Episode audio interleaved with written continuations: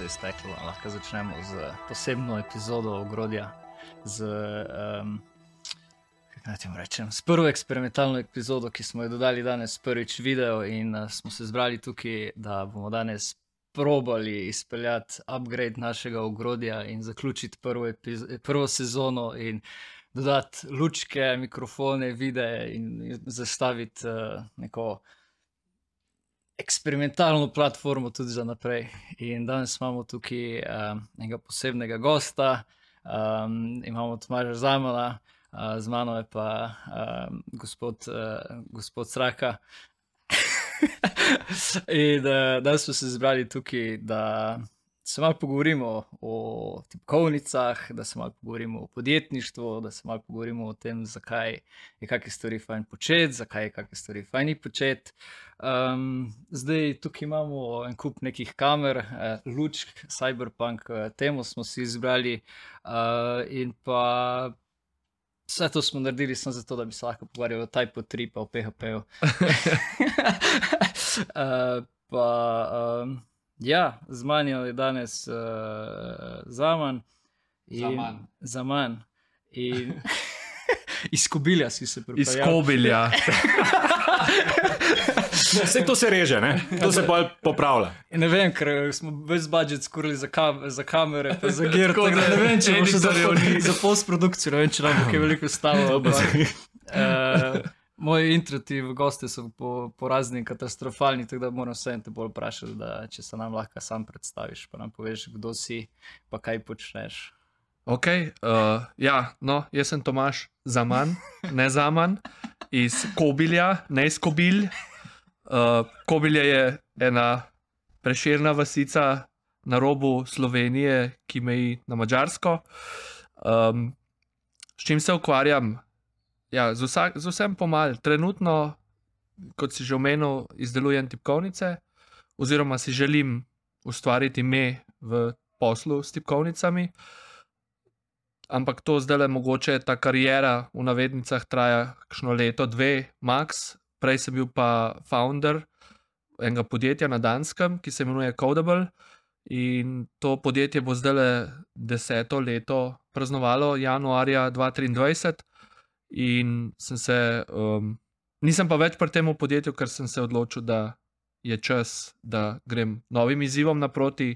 Sem se za, odljubil tistega podjetja, če hočete, uh, in nekako zaljubil tipkovnice, in tudi malo mi je izzivov zmanjkvalo takih, ki bi me privlekli oziroma priv, privlačili. Ja, privlačili je prava beseda. Uh, se pravi, nisem več užival, no. meni je pa pomemben, da oziroma se moram ne pohvaliti, ampak zahvaliti, da imam srečo v življenju, da mi je dan to, da si lahko nekako odločim in zamenjam stvari, okolico, službo. Da grem v nasledi sreče, tako rekoč, ker se mi zdi, da je danes to ful premalo poudarka na tem, že od, od štarta, mularijo vzgajamo, ne, pej v šolo, pridem, boš dobil službo in polomrl. Jaz pa rajš vidim, da sem jaz srečen, da so ljudje okoli mene srečni in tudi otroke mogoče vzgajam malo bolj v tej smeri. No. Ampak, um, tle, tako je zanimivo. Pač mi se, kot se prej rekla, pač se poznava že odprej, oziroma so se imela priliko srečati. Tako, ti in tvoja žena, ne, mi uletavata noter v moj Twitter stream, ne, pa vajo, ne, hvala vam. Ne. Yes. Tako da pač eh, nekaj počneš, ne, da si zdaj prebiješ ta, te, ta influencerske vode. Zdaj, ja. um, zdaj ne vem, ali zato, ker sem pač kliknil na en tvoj YouTube video po, po nekem uh, slučaju, ne, um, zdaj ti si tudi YouTuber, zdaj po tem novem. Ja, tako 14-dnevno kariero. Uh, ja, um, v bistvu si želim no, nekako uh, ime narediti tudi doma, mogoče, ker prej sem. Pa ni to mišljen kot hvala, samo hvala, ampak nekaj realno sem si imel v WordPress svetu, ki smo ga uh, nekako napadali v, prejšnjem, v mojem prejšnjem podjetju in smo hodili po svetu po raznih konferencah. No, in sem prišel na nivo, ko, ko, ko so ljudje vedeli, kdo sem. V Sloveniji noben, ker me praktično ni bilo, tudi strank nismo imeli v Sloveniji, niti je tako majhen trg za te zadeve, da nas ni zanimal iz vidika oglaševanja ali česar koli. Uh, po svetu pa smo kar poznana, bi rekel, mogoče med top, ne vem, 10-20 podjetij, kar se tiče zn- poznanosti ali pa nekega renomeja, celo. Uh, tako da je bilo zelo outside, fokusirano vse skupaj. Uh, zdaj le s tipkovnicami, pa bom rekel, bi si želel mogoče začeti v Sloveniji čistko kot ene sorte playground. No? Se pravi, trg je tako mehen, da tudi. Če vsi vejo, da si nekaj zajebo, ne, je to še zmeraj zelo malo ljudi, da ve, da si nekaj ful zajebo. Ne. Ker če greš pa takoj na neko, na neko bolj wide audience, se pravi globalno, si pa lahko ugled zelo hitro uh, omadežuješ. Ja, omadežu. A sem prav rekel? Ja. Uh, in, in se pravi, mal tipam no, te vode, tudi youtuberske, predvsem z vidika promocije, eh, same tipkovnice, pa tudi tako, no, rad. Tle, tle se zdaj tako malo ma si. Um, ma, ta tvoj hobi, ne pač te lučke, ne pa, Ja. pa, pa, pa, pač vse ta gira, ne, to pač verjetno za, ta, za sabo potegne. Če se pač greš pol, pa še eksperimentiraš v teh vodah. Ja, no, to je tudi res. No, to je pa ta, dru ta druga plat tega kovanca. Ne? Eh, Se pravi, ne vem, zakaj ful mi luči dogajajo. No? In tako imam doma ful luči in poštar prenese novo, in žena se za glavo drži, ker meni ful luči dogajajo. No? In pa se reko, ok, ne, ampak v nečem jih moram uporabiti, ker ni dosti, da pač imaš luči, ker če jo imaš, jo pač imaš in. Ne, to je to. In si rekel, malej, pa bom pa YouTube studio postavil doma in ga bom ful lepo osvetlil. Ne, in za, moje, za moj okus je kar dober rad, ali tudi drugi, recimo kolegi, pa prijatelji, ki vidijo videe, rečejo, kako si pa to osvetlil, gor dol in pol debata steče. Tako da lahko rečem, da je nek kak hobi si oblikujem iz tega lučkarstva. No, in da vem, le dogajajo mi. Jaz sem, jaz sem si napisal v, v, v tem introtu, ne, pač, da neka nit bi mogla biti, da bi si želel, da bi iz tebe zvlekli danes to ljubezen do tehnologije, strast, ustrajnost, uh, ekstremen fokus. Um, pa kar sem hotel nekako se izogniti temu vprašanju, da bi, da bi te vprašal, zakaj neke stvari hočeš delati ali nekaj, ampak da bolj se mi zdi, da veliko teh svojih projektov delaš za, za sebe, za svojo zabavo, moraš imeti neko ljubezen, preden se lotiš teh stvari. Se mi zdi, da če najdeš ta nek passion vsem tem, potem si mu stotodstotno predan in brutalno fokusiran. A je to res? ja. In kaj je, če temu ni tako? a? Ja, se pravi, tle je. Sicer nisem šel nikoli neki uradno uh, diagnosticirati, uh, ampak jaz vedno, ne vem, mogoče je celo izgovor ali pa celo neprimerno, ampak jaz rad, m, pač rečem včasih, da po mojem ima mal ADHD, se pravi, mal motnje pozornosti, vsaj uh, kar sem se samo izobrazil po spletu, nakazuje na to. In tle sta vsaj par meni dva full velika ekstrema. Ne? Se pravi, en ekstrem je ta, da ko me nekaj prime iz razloga, ki ga ne znam pojasniti, pač drži me. Ne? In trenutno so to luči. In kupujem luči in berem o lučeh, in zakaj so takšne, kot so, in kako delujejo, in valovne dolžine, in barvni spektri. In ful, kar raziskujem. Pa nisem nikoli več. Nimam poslovne potrebe po teh zadevah, ali pa sem zanima me in pol kar vrtam, koliko delč gre luknja in to gre full delč. Greš, greš do konca, ali Ja, se utrudiš. Tako bom rekel, čisto odvisno, kaj je tisti konec. Včasih pridem na nek nivo, ko moj možgan reče: OK, to je good enough, gremo dalje. Včasih pa vrtam, recimo pri tipkovencah, konkretno je bilo tudi, se mislil, ok, dajmo narediti eno zase, pa bo good enough. Ampak ne, dajmo narediti eno še za vsakega drugega zemljana in gremo jih ful narediti. veš. No, po drugi strani so pa stvari, ki me pa ne privlačijo, pa ne zanimajo. Se jih pa ne bom, mislim, je pa to tako račun plačati, sicer ne to, bo. In tle sploh ni fora od narjev. Tle je fora izključno samo to, da se moram logirati v spletno banko, se pravi, moram odpreti www, whatever, banka, neki, neki, in pa moram na telefonu svoj obrazček pokazati, da me identificira in mi da eno številkico, in pa moram ukucati to v računalnik, in pa grem na drugi korak. In prav, da je tako. Ne? V drugi korak dobim nazaj eno številko, in spet jo moram kucati v, računa, v telefon, in pol moram tam noter cifre upisati, in to se meni blede. Ampak tam še nisi zaključil, polke plačaš, moraš račun tudi računovodki ni poslati. Muka. Se, se poje, spoje tako, ne, kako si, si ta del, ta, ta, ta, ta, ta del um, življenja pol zoptimiziral. Ne, ker pač vse, pač, kar, kar je Oto skrb sestavil, ne, um, pač, da mu še reči, štiri otroke imaš. Ja, a ja, ne. ja. Um, ta work-life balance, oziroma pač kako to zdaj skrb zapeleš, ne, da v bistvu ti, ko si v neko stran zadevo vržeš uno v nulo, ne ja. pa, pa si zdaj zraven, pa istočasno pač še familijo furat, a ne, pa so pa še take zadeve, ki tudi račune treba plačati.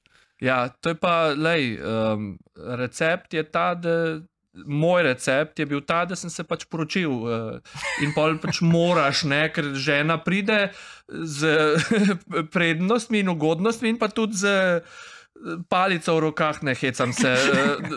Moja žena je ful, ful super ženska in ona mi tisto, eh, ta balance. Um, Usiljuje včasih celo, ker mora, ker vidi, da včasih celo tako padem v kakšno stvar, da zignoriram life.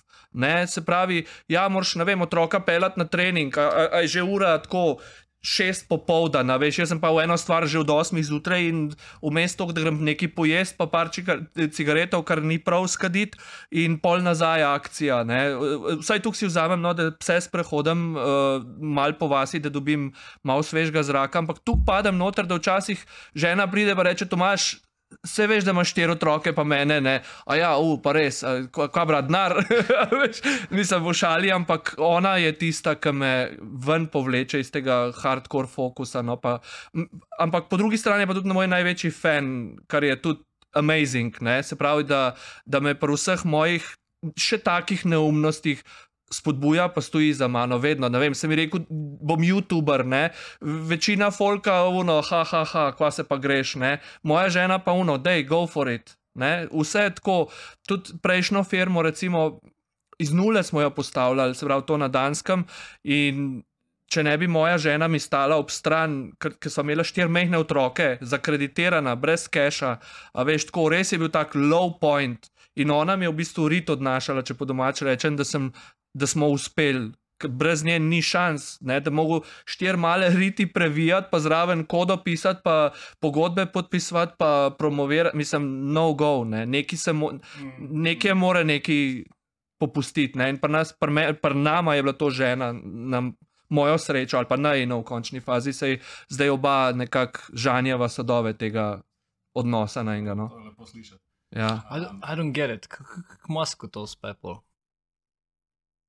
V kakšnem smislu? Kjer? kup ima otrok, pa, pa deset firm, ali koliko jih ima. Pa, pa, Ja, pač to je samo še pač uno, veš, krat deset na potenco. a ne. Ja, pač to je pač, žensk, ali kaj. Ja. ali pet, ali, ali Ja. pa ena, ki je vredna za potenco. a Ne, Ja. A ne, A, ne tle, tle samo uno, a v teh zadevah, ki te predstavljajo tako zelo neko to strast, oziroma te neke zadeve.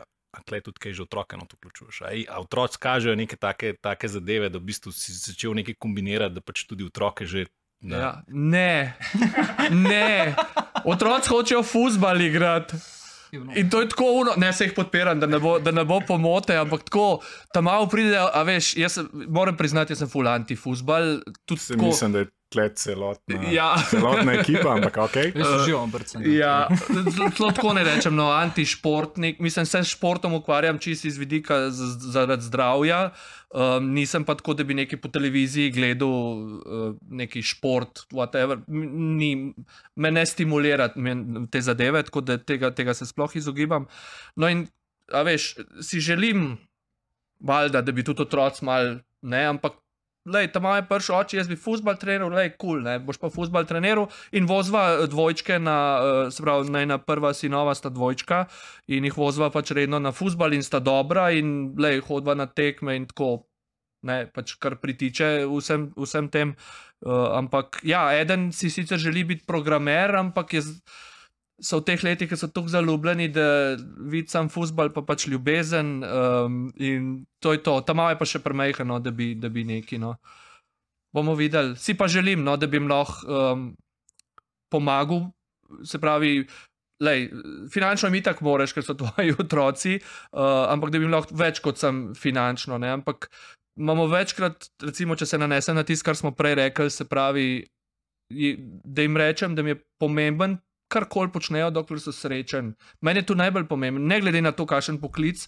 Se mi zdi, da danes nasploh kot družba je, kaj pa ti delaš. A veš, in je tako, da boš je neko merilo, da človeka. Ja, Pre, njegovo vrednost premeril, glede na to, kaj počne. Ne? Jaz pa, jaz pa ful otrokom to. Ne? Vse moraš trdo delati, brez tega ne gre, ne? ampak probi si najti nekaj, ki te bo srečval zraven, ker pa si ga zmagal v lifeu. Če si srečen, mislim, to je nam Ej, vrno. sam, veš kaj, ko poslušaš te uh, take inspiracijske govore, pa, je, pa vse skupaj. ne, Pa, pa, pa, če gledaš nazaj v, Ja. v svojo ne vem, mladost, a pa ko si sploh se iskal. Ja, Verjetno nisi že od eh, svojega vem, šestega leta računal, da boš delal z tehnologijo, z, z računalniki. Verjetno si se tudi sam mogel poiskati, pa verjetno si mogel en, veliko truda vložiti v raziskovanje. Pa, ali si, ali Mislim, Mislim, bil, si, ali je bilo sam, šit, zdaj bom programiral. In, in, Ne, sem to, verjetno pač tudi te spolni paci. a ne. Ja. ja uh, v bistvu začel IT, v IT sem padel um, po, na, po naključju. Ja. V bistvu je bilo tako, da sem na faksu, delal sem biotehniško fakulteto, oddelek za lesarstvo, tako da po izobrazbi sem skoraj inženir lesarstva, ker nisem diplomiral.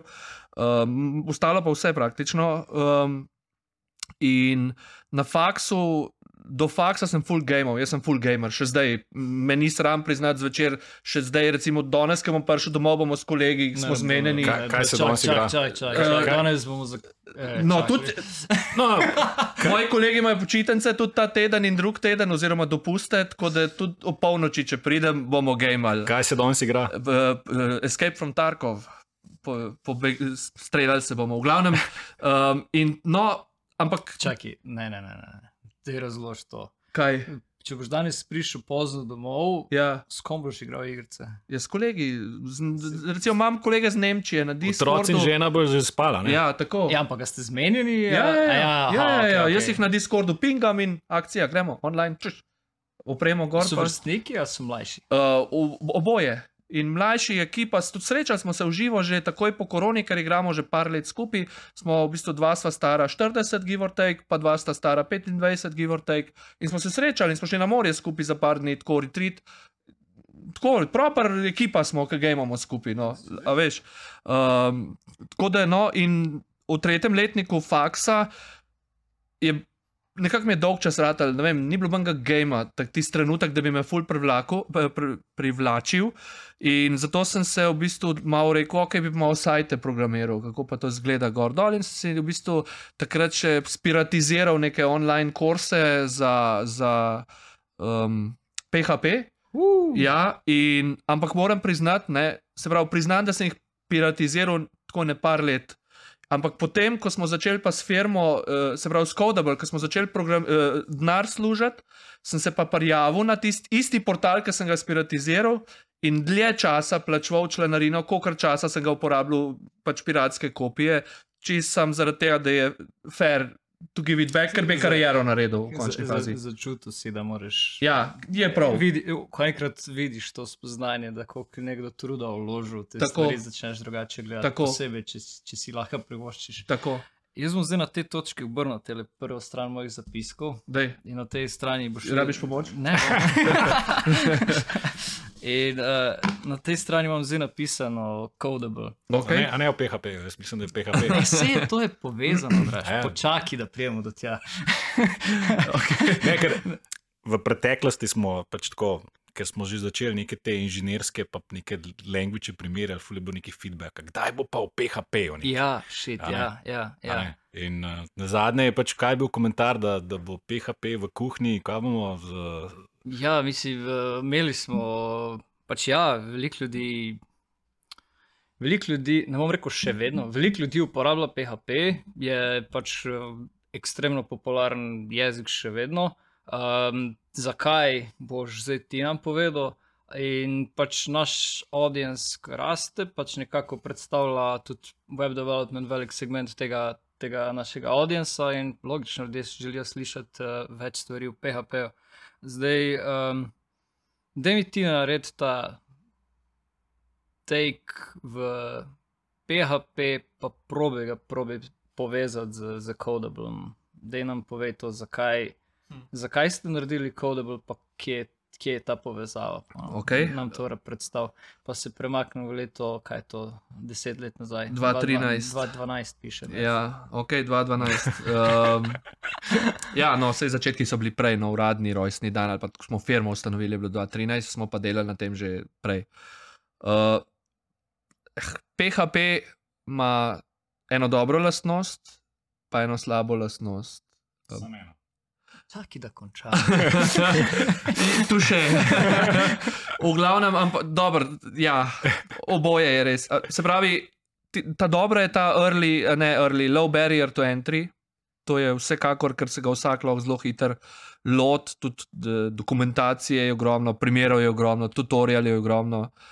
Ma pa to njegovo embedded zgodovino, ki mu pa ful na robe hod eh, in gre meni osebno ful na živce, ki vidim tako kodo, eh, ki ima tiste tege noter v HTML-ju, pa kar whatnot.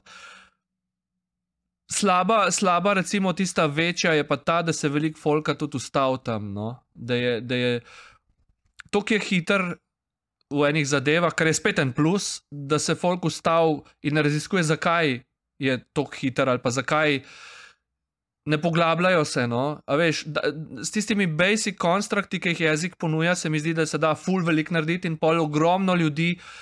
Sploh v moji freelancing karieri, ki je bila še pred Codable, sem a veš, popravljal neke tako osnovne konstrukte, ki je nekdo, ki ni znal jezika dovolj, ampak se je znal dosti pocen prodati online, se pravi na nekih freelancing portalih, in pa so mene najeli, da sem šel to debugati pa popravljati. In si tako, a veš, je napisal celo svojo funkcijo, v bistvu imaš pa že built-in funkcijo, ki dela Mm, isto stvar mm. za eno vrstico, v ne porabo 30 vrstic, recimo. Zmišljujem si, karikiram, ampak Ampak si pač to lahko danes rečeš isto za JavaScript, lahko isto rečeš za ne, druge jezike v tem spaceu. Tudi Ruby se daš šiti pisati. ja, res je. Ja. Ampak PHP je še Misliš, da je najbolj. kultura, ki pride zraven. Ja, bolj, se mi zdi, da je bolj, eh, kaj pa vem, recimo z mojim ljudje, mogoče celo mindset ljudi, ki so, pa nočem nobenega užaliti, ni to kot žaljivka mišljeno, ampak average mindset ljudi je v PHP-ju, po mojih izkušnjah, bistveno prej zadovoljen z rezultatom, kot kar mindset ljudi, ki pišejo Ruby, recimo, ali pa, pa JavaScript, ajde nekje vmes mogoče, ne? ampak ko greš mogoče v te mal, mal težje jezike.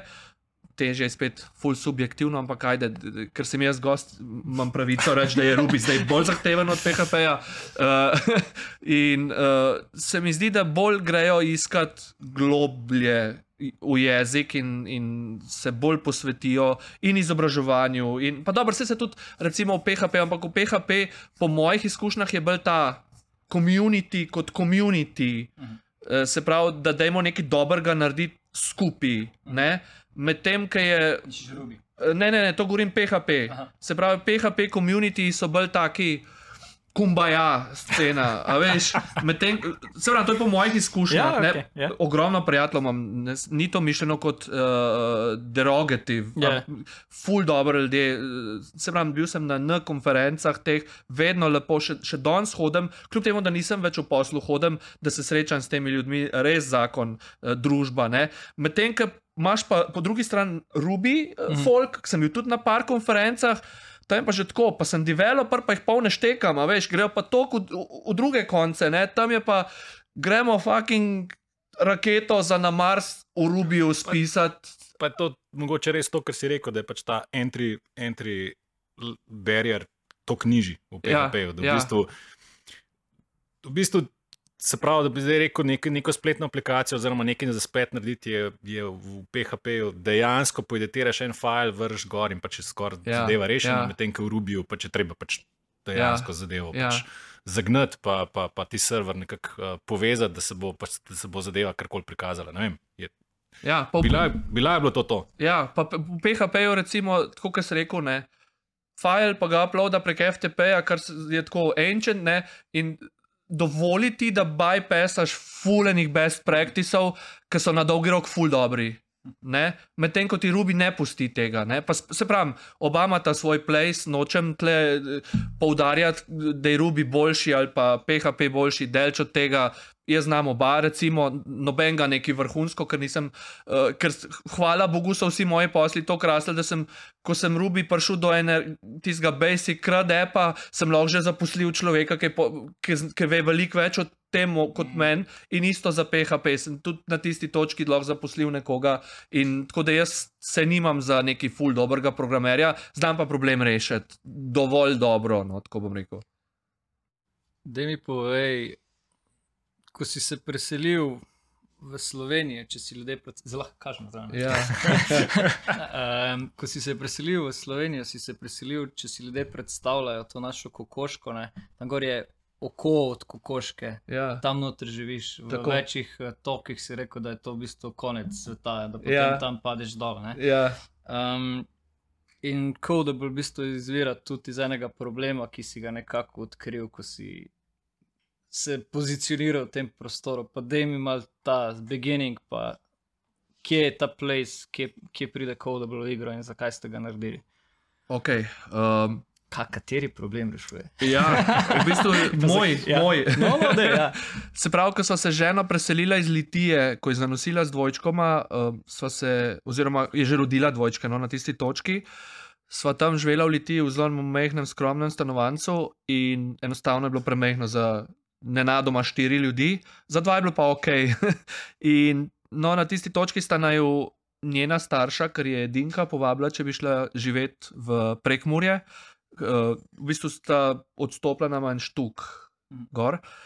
In ta prvi je bil tako, fuck no, tako prek morja, no. Ampak po, ker smo pa malo bolj racionalno pristopila, pa malo pros and cons začela na papir pisati. Je pa čez dalje bolj tako, ni benih konov, dobro delčje, ne, ampak to je edini ta kon, ne. A veš, eh, imam pa optiko, recimo, gigabitno doma v hiši, ne, kar da moraš reči, niti za vse ljubljančane, ne. Tako da, ja, in dobro, nimam je od takrat, Ja, mislim, ja, ja. ampak je, je neki projev, oziroma se je projev bistveno več na, nabral nekako. No? In sva rekla, ok. Greva, no, in so se gor preselila, in takrat sem bil jaz že v teh web development vodah, in sicer uh, sem delal s sistemom uh, Type 3. Uh, lep, ja, sem, sem tudi. Jaz pa spet neki, neki down the memory lane. Ja. Spet smo našli eno skupno točko. Sem pa tudi, eh, lepo prosim, sem certificiran Type 3 integrator, sicer na Ja. verziji 4.7, Uh, to je bila dobra če stara ni zdaj verzija. koliko 11 že. A pa, ali- pa to, to še vedno živi. Ja, Res? ja, ja, ja, ja. Ja. Prav, To je tako, corporate sajti po Nemčiji so še zmeraj v tem. Še- še vedno? Ja, pa neke vladne. Zdaj pa nas ne vem, no, slovenska je bila Ja. cela gov Ja, ja, scena ja, na, ja. na tem. Uh, no in Mislim, to je tako za nepodučene, nepodučene če- poslušalce oziroma gledalce. Ne. ja, Jaz sem delal s Type 3, ne vem, dve leti preden sem ugotovil, kako si blog postaviš. Tak je ta zadeva. Ja, ja, zelo- Glomazna in, in, in, in, in komplicirana, ampak um, Type 3 je nastal v času, ko so ljudje sploh začeli prepoznavati Type 3 kot, oziroma PHP kot neko jezik, neko platformo, ki bi lahko mogoče bila alternativa, a veš, Javi v tistem času in podobno. In takrat se je tudi začel ta open source in ta, ne vem kako toč Kasper, kaj je, je, je naredil ta Enterprise CMS Type 3. a Ne? In dolgo časa je bil to pač tak prevladujoč CMS za Enterprise in ne vem, od Lufthansa do, do ne vem koga vse te zadeve. se pravi, ugaben umestnik, na katerega se rabi na šolanje, da si ga razumel. Tako. A ne, to je tisti ta predpogoj za, za enterprise software, a ne, pač, Ja, ja, um, nabita visoka cena, a ne, pa nobenega drugega, pač soporci pa mogo kupiti. Pač, Imel je pa tudi zelo dobro, zelo kmalo uh, je imel ta nek sistem extensionov.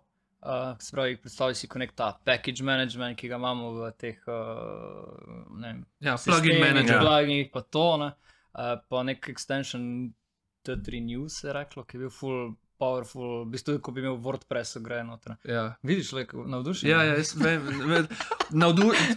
Lej, tako ti bom rekel, early days mi je zelo dober kruh služil Type 3. No? Ker jaz sem bil vržen vanga. Uh, v bistvu, če gremo večkrat nazaj pred prekmurjem, je bilo na faksu, sem šel jaz tako kar. eh, Jaz se zelo rad, zelo hiter, zelo globoko vržem v stvari, ko me zanimajo. To smo prej že stavili. Ja, ja. no, in, in ko sem ko sem, pri, ko sem začel web development, tako učiti, sem vedel, da rabim projekt. Mhm. Ker sem full, full mnenja to, recimo, ko me vprašajo mlajši developerji, kje začeti. Ne? Nikjer ne začni, začni pa ideji, ki jo imaš v glavi, oziroma pri problemu, ki ga imaš, ki ga boš rešil. Mhm. Sem full, sem full uh, kako se že reče, se pravi, podpornik tega, da, da se uči z znanim ciljem. Mhm. Ne? Se pravi, ne da se bom jaz učil zdaj forzanke, pa while, pa neki if, whatever, ne? ampak uno, problem najti, ja, nimam ga, pa soš ful težko učil. Najti si en problem, ali pa najti kolega v problemu, vprašaj ga, ne vem, kamo doma ne dela neki na računalniku, whatever, ne, mej problem. In Ampak pol če pej si- tja proti ampak problemu. Če si izbral Type 3, si, si že v začetku naredil več problemov. No, to je res. Ampak si ga nisem sam izbral. Jaz sem šel na faksu direkt do mojega profesorja informatike, ki je imela spletna stran oddelka za lesarstvo, res katastrofalen sajt, ker so še HTM, statične HTML-je v Dreamweaverju. Uh, ja. Uh, ja, remember the days. Ja, ja, ja, ja to. v glavnem, v Dreamweaverju so editali in pol na roke kopirali na FTP od faksa. Ne? In sem rekel, dajmo, jaz sem pa takrat najdel en, en CMS, ki mi je bil tako cute logo, imel, nisem nič vedel o njemu, nič, pa nisem niti znal PHP-ja pisati, če je ono res tako, ono res basics-e in jaz tako veš. Uh, uh, prepoten, ne prepotenten, ampak tako samozavesten do profesorja. Sem rekel, profesor, jaz bi pa vam sple, spletno stran naredil. No, in je bil navdušen nad idejo, ampak je bil pogoj, Type 3. Uh, Tako da sem rekel, ok, a, lej, pol leta je trajal, doma sem, ono, Neč spal, pa izpite faliral, pa je bil žur, ampak sem naredil sajt, najel sem dizajnerja takrat, ki je bil eden zelo dobrih dizajnerjev, še zdaj je v bistvu, in je naredil mi interfejs. No, ampak da se pohvalim. Ko je, je rekel, kako bomo pa, se pravi, kako, plačilo, zrihtali, sem rekel, jaz vam bom sajt naredil, vi, mo, mi mi boste pa za plačilo, ker sem imel štipendijo, pa doma sem živel, tako da denar ni bil neki full. Um, Niti ne motivator, ker še premlad sem bil, da imel sploh občutek za te stvari. No. Se rekel, vi mi boste pa 16-inčnega MacBook Proja, fully spec out kupili.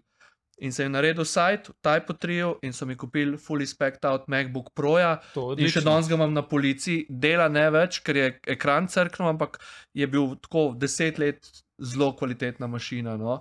In tako, tako smo začeli, in tako sem padel v Type 3. No, zdaj pa če grem nazaj na tiskaj. Dajmo iti nazaj. Ja, zdaj, ja? si me vprašal prej, kako je bilo, kako prek Murja pa to. V prek Murju sem pa uh, prekinil stike z temi, za katere sem delal tule v Ljubljani, s katerimi smo sodelovali, ker so hoteli me imeti on-site, zdaj pa iz prek Murja ne moreš on-site v Ljubljano hoditi. No, in smo, um, in sem na netu pač iskal work. In se najdel, takrat se je imenoval Elance en site. No, in sem ene dve let delal tega, preko tega delu, in vmes sem sklenil, da bom šel certifikat delati. In včasih ni bilo tako, kot danes, ki ga narediš prek online certifikat. Jaz sem se mogel v avto usesti, pa na Dunaj pelati v predavalnico, pa plačati tam 200 evrov, za, za to, da sem, eh, na, mislim, pač, ne vem, kako se temu reče, ne šolnina. Uh, Certifikacija. Ja, certifikacijo, ja. hvala. In sem plačal tam, in pa sem odpisal, pa to je bilo tako. Težko je bilo, ni to tako neki, uno, ne, plačal je neka, ne, ni, ni, to je bilo pol leta tudi učenja. Ampak kaj je bil pozitiven rezultat tega, je bil pa ta, da sem pol na teh sajtih rado fulbol konkurenčen. Zaradi tega, ker sem in se lahko čez noč, in ne lažem, čez noč sem podvojil svoj hourly rate. In so začeli boljši projekti noter. Zato sem si tudi v Codeblu, kasneje sem si imel stvar s to svojo, recimo sem bil vabljen na, na konference mednarodno, da predavam o tem, da, da se ne bati cen dvigant. Dajmo, to imam jaz posebej tu napisano. Okay. Te bom vzgril v nulo glede Dobro, gremo, no, Da ima do konca zdaj. Ja, to misel. Se pravi, no, in ker mi, ker mi na, tem, na tem portalu so me določene funkcionalnosti, pristopi, mentaliteta, founderjev, whatever, tako motil, da sem hotel narediti konkurenco temu portalu, ki me je razpizdil, ker ni bilo tako, kot sem si jaz želel ali pa hotel. Jo, jaz upam, da se ti enkrat bankinga lotiš. Uh, v, No, sorry. ja, v glavnem, no, in sem potem uh, spoznal tekom dela na tem portalu enega, ki je bil moja stranka, v bistvu. Uh, gospod se imenuje Per, per Es- Esbensen, ker je Danc. In on je bil pa poslovnež, se pravi, on je moje storitve prodajal po danski.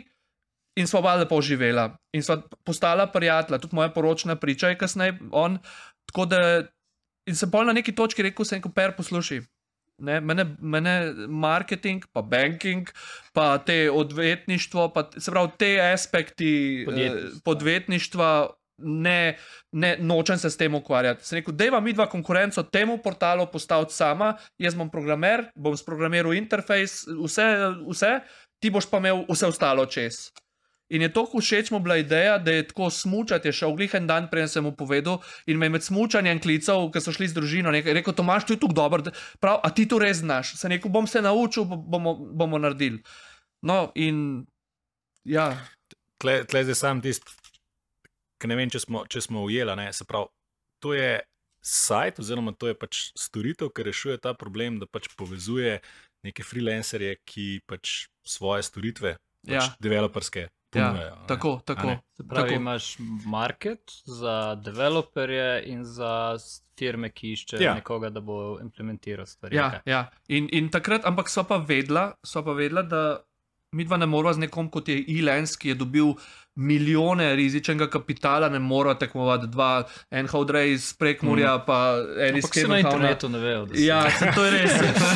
V glavnem, in, in uh, zato so se no, odločili za WordPress, predvsem zaradi tega, ker je niša, ampak dovolj velika niša. Jaz, odkrit povedan, takrat nisem imel pojma o WordPressu. Jaz ga tudi do točke, ko smo ustanovili WordPress firmo, nisem še videl WordPressa od Ampak Kako ste pa v bistvu naredili ta research? Kako ste naredili ta research, da pa zdaj pa WordPress je pač tisti? Vedela sva, recimo, da nekaj s programiranjem mora biti, ker sem bil Ja. pač jaz programer, uh, ampak WordPress pa pol si šel gledati velikost trgov. Aha, In WordPress je čist, čist, največ na- čist to je bil. by the numbers. Ampak tudi developerji največ v, v WordPressu. Ja, ja, ja. Mislim, tudi verjetno ste zastavljeni tako, da pač nek procent od tega biznisa gre vam, ali kaj, kako ta market deluje, da nam to malo bolj razložno. Ja, da ti prvo povem, kakšen problem so reševala. Problem je bil ta, da ko je Per objavil posel na e-lensu, se je na njega prijavil 150 developerjev, od tega 149 iz tretje razvitih držav, pa jaz. Mhm. Ne? Uh, jaz, ko sem se pa prijavil na neke projekte, pa ni nujno, če so bili od Pera ali pa koga drugega, sem pa rabo tekmovati z 149 Ja. ja. ponudniki iz tretje razrednih držav, ne manj razvitih držav. Ja, ja. Veš, kaj Ok. hočem reči. No, v glavnem, in uh, je bil problem, ker tu so mentaliteta teh ljudi je večinoma bolj hiter zaslužek.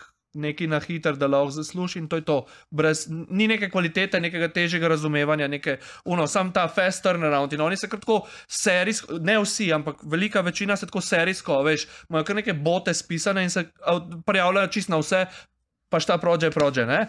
No, in se rekel, to meni nikul. Dajmo rajši en portal, se pravi, kaj bi jaz rešil, sem, to, sem to pero predstavljal. Se rekel, jaz bi rešil to, da imamo mi samo pre-screened developerje. In vedno, in to je največji izziv še danes te firme, je to, da umetno vzdržujemo supply pa demand level. Se pravi, pri nas je vrsta čakalna za developerje, da pridejo v sistem tudi par mesecev dolga in greš čez zelo rigorozen proces, ki smo ga sami iznajdeli in zoptimiziran skozi čas, da greš ti, da, se pravi, da ko ti raste povpraševanje, ti s ponudbo potem filaš. Se pravi, da je tam tam. Zakaj? Ker če imaš ti preveč strank, pa premalo developerjev, boš lahko konkurenci, če imaš pa ti preveč developerjev, boš li pa, is- boš li pa developerji v konkurenci, ker dela nimajo dovolj. Se pravi, ti hočeš vedno ta, in to je vedno tak balancing act, never ending, ki vedno iščeš, se pravi, da je glih prav developerjev, pa glih prav strank. No. A, drži, a držite ceno vi? A vi postavljate Ja, ceno? mi, post, se pravi, mi, mi postavimo bolj park. Se pravi, mi smo tudi zelo veliko naredili na izobrazbi. Se pravi, naši developerji so imeli, naši, uh, Ja. ja. naši bivši developerji, tako rekoč, če rečem, so imeli prav eh, tutoriale, smo članke pisali, prav nek e-learning sistem smo imeli, Aha. ki je prav njim namenjen. Se pravi, kako ceno. Ne? In uno, če je ceno postavil manj kot 60 evrov na uro, je takoj razgovor z nami, z našim customer supportom, in za kva ste tako poceni. Ne? A je res tukaj brez.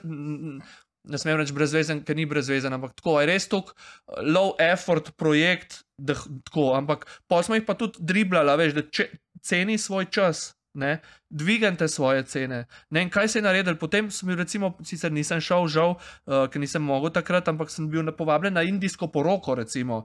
Je rekel, prid, zaradi tebe se bom, poro- mislim, zaradi tebe, zaradi tega, kar mi vi omogočate, se bom poročil.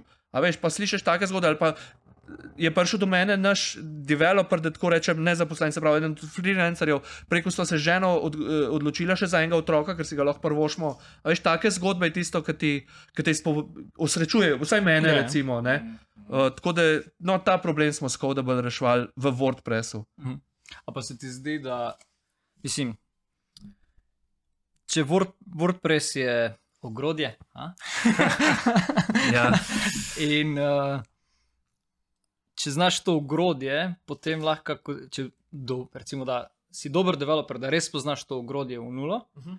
in potem pač si lahko tehnično, pa teoretično, verjetno zbereš katerkoli WordPress sajt, pa ga narediš. A, a, a ne. Se pravi, ne, rab, ne rabiš nekega ekstra poglabljanja v te projekte. A, ali kaj. Če bi verjetno šel delati, ne vem. Z Java ali pa z nekim C-Sharpom je, je ful drugačen razpon projektov, pa komplikacij, pa, pa veš ta due diligence, ki ga moraš narediti v samem projektu. a ne. Ja. A je ta model tudi deloval zaradi tega, ker je pač ta framework, ki ste ga uporabljali, pravi WordPress, tako kot je, ali misliš, da je to. Bi tudi bilo možno replicirati v nekih drugih. Ne, v bistvu ne bi bilo možno replicirati. Mislim, da je to zaradi WordPressa, Ja. ker lej, se pravi, po večini, ne vse, ampak basic functionality je to, da je to neke sorte spletna vizitka. Mhm. Se pravi, da so to bolj predstavitvene, manj interaktivne strani. Seveda so potem plugini, ki se povezujejo na vse živo, in povz, ampak v osnovi je to publishing platforma. In ti publishaš content, zdaj pa v kakšni obliki je, ali pa ne vem, princip samega publishanja contenta je pa vedno na vseh stvareh istih. Se pravi, če imaš, ali imaš ti blog, ali pa imaš ti, ne vem, landing page za prodajati neke luksuzne avtomobile, je tu še zmer. Content, ki ni tako bistveno drugačen, je format je drugačen, ampak format je stilska zadeva, ne toliko vsebinska. Ne. Tako da mislim, da to bi zelo težko repliciral na neke druge sisteme. No, ampak verjetno pač tako, verjetno Typo 3, Drupal, podobne zadeve so pač pa še v isti koš kot WordPress ali ne. Ja, pašejo, se pravi, konceptualno, ja, ampak v praksi je pa tako, kot je Oto prej rekel. Type 3, ko ti instaliraš, je blank screen. ne. Medtem ko ti WordPress instaliraš, piše tam Hello World, vsaj neki, da veš, nek starting point, nek guide ti da, kompleksnost je tukaj manjša, da jo je nekemu začetniku bistveno lažje dojeti, uh, tudi dokumentacije ogromno, konferenc, če hočeš, vsega je toliko več, da je zelo hitro lahko akumuliraš tisto znanje, da nekaj prezentiraš. Medtem ko za Drupal ali pa za Typo 3 pa rabiš full investiranega časa. Ne. Tukaj je predvsem ta time investment versus kaj dobiš ven, se mi zdi, da je full uprit um, WordPressu. No, ampak se, iz, iz, iz tega, ne, v bistvu, ne na zadnje, pač PHP je verjetno prav zaradi WordPress. Mislim, WordPress mu dela ful dobro reklamo. a ne. Če, Ja. tako, če tako pogledaš, ne. Verjetno, pa, če ne bi bilo WordPressa, vprašanje, če bi PHP bil še vedno na, na tem nivoju, kot je danes. Ja. Mislim, nimam odgovora na to, ampak mogoče ni slaba misel, mogoče je tudi res. In eno in drugo, mogoče tudi obratno, ne, da se en drugega. Seveda, ampak tako. Um, od, od vseh teh nekih, nekih rekel, rekel, teh um, predstavitvenih CMS-ov, ki jih danes imaš, ne pa so te od razne um, džumle in, in podobne, e, ne pač se mi zdi, da kukar vsi po svoje sovražimo WordPress. Ja, A ne, a Ja, ga, a ne, ja. a, a, a se zedinimo, da pač ga sovražimo. Je pač v primer- Sovražimo je ful močno. Mislim- Ne moreš se sovražiti tehnologije. ja ni čust, ja, Ja. ja. sovražimo tako na živce ti gre. Ja, ne, ampak tako. Lahko bi bil boljši, ker vidiš, Ja, kaj je na drugi strani. karkoli drugega uporabiš, Ja. je večji krep. ja, res ne? je. Tako najmanjše Tako, zlo je. no, Deja, dejansko rečeš, ej, če pa zadeva v WordPressu, sem pa vsem še kar. Veš kaj je, uh, neka, nek level playing field je. Se pravi, če boš ti, glih zato, ker je tako popularen in pa razširjen, ne, ti si moj developer za WordPress. Ne, in če ti jutri ti ne paše, boš rekel, Tomaš, ne, jaz grem. Bom rekel, ok, kul, cool, pa poklical od ali pa enega drugega, ki zna z WordPressom, pa bo padel, mislim, pa bo takoj vedel, kva prbli, dobro, sej ne full, ampak osnove dovolj, da bo hiter lahko naprej pick-upov. Medtem, ker karkoli drugega, manj razširjenega, ampak bolj kompleksnega, bo že treba kot prvega naš dobil človeka, ne, uh, kot drugo bo rabo ful več časa, da bo noter padel. Ne. Tako da, ja, WordPress gre vsem na živce, tudi ljudem, ki razvijajo WordPress, gre na živce, ampak je še zmer to. Pač splet je, lej, Too big to tehnologija. a, Je, too big to fail, ampak pa niti ne to, ampak se pravi, ta komunity nas skupaj drži. Ne? In če je problem, se ga lotimo, govorimo o WordPress komunitiju, ga bomo skupaj, ne z danes na jutr, ker zadeva je že tukšna, da je tudi mal za moj okus celo preveč politike noter. No, a veš, ko prideš, bom rekel, se ti te zadeve mal.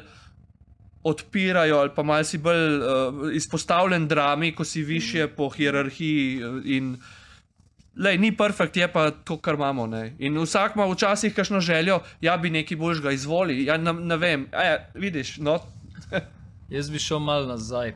Pej. me zanima, um, ko smo se pogovarjali, rekel si, da ste izobraževali vaše developerje, da ste delali vsebine za, za to, da so developerji, developerji napredovali, da so stavili. Okay, um, Še enkrat, začni vprašanje.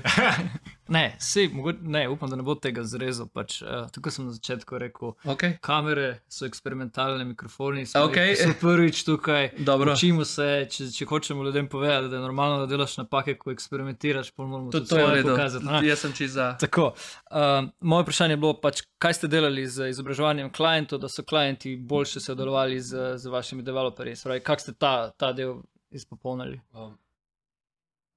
Stranke naše, glede na to, da smo bili eden dražjih servisov, Mhm. če ne celo najdražji, in to je bila namenska odločitev. Se pravi, rekli smo, da v ceni ne bomo tekmovali, ker to je vedno race to the bottom. Ne? In je no go za nas. Mi, v, v, če rečem temu, ne, kako bi rekel, soju, ne soju, eh, roju konkurence, nismo hoteli s ceno tekmovati z njimi. In smo rekli, gremo tekmovati s kvaliteto. In to se je skozi čas razvedel. In ko si že, recimo, že princip sam, mentaliteta, ne princip stranke, ki ve, da bo veliko plačala, je drugačna kot nekoga, ki bi rad nek freebaj, pa nekaj se šlepil. Ko pride, pa rečeš, ne vem, tole bo 500 evrov, govorim za Nek, ja. 4 ure dela, recimo, ne, Ja, zmišljujem si. ja. Ampak bo vedel, kak nivo človeka, s kakim nivojem človeka se pogovarja. 99% of the time. Ne? Mhm. In so stranke, že, so, smo tudi na landing pageu smo jim že predstavili, ne, da ne tekmujemo v ceni, da kakšna je naša cenovna politika, kako delamo. Se pravi, želeli smo stranke že na landing pageh izobraziti, kaj ne pričakujejo.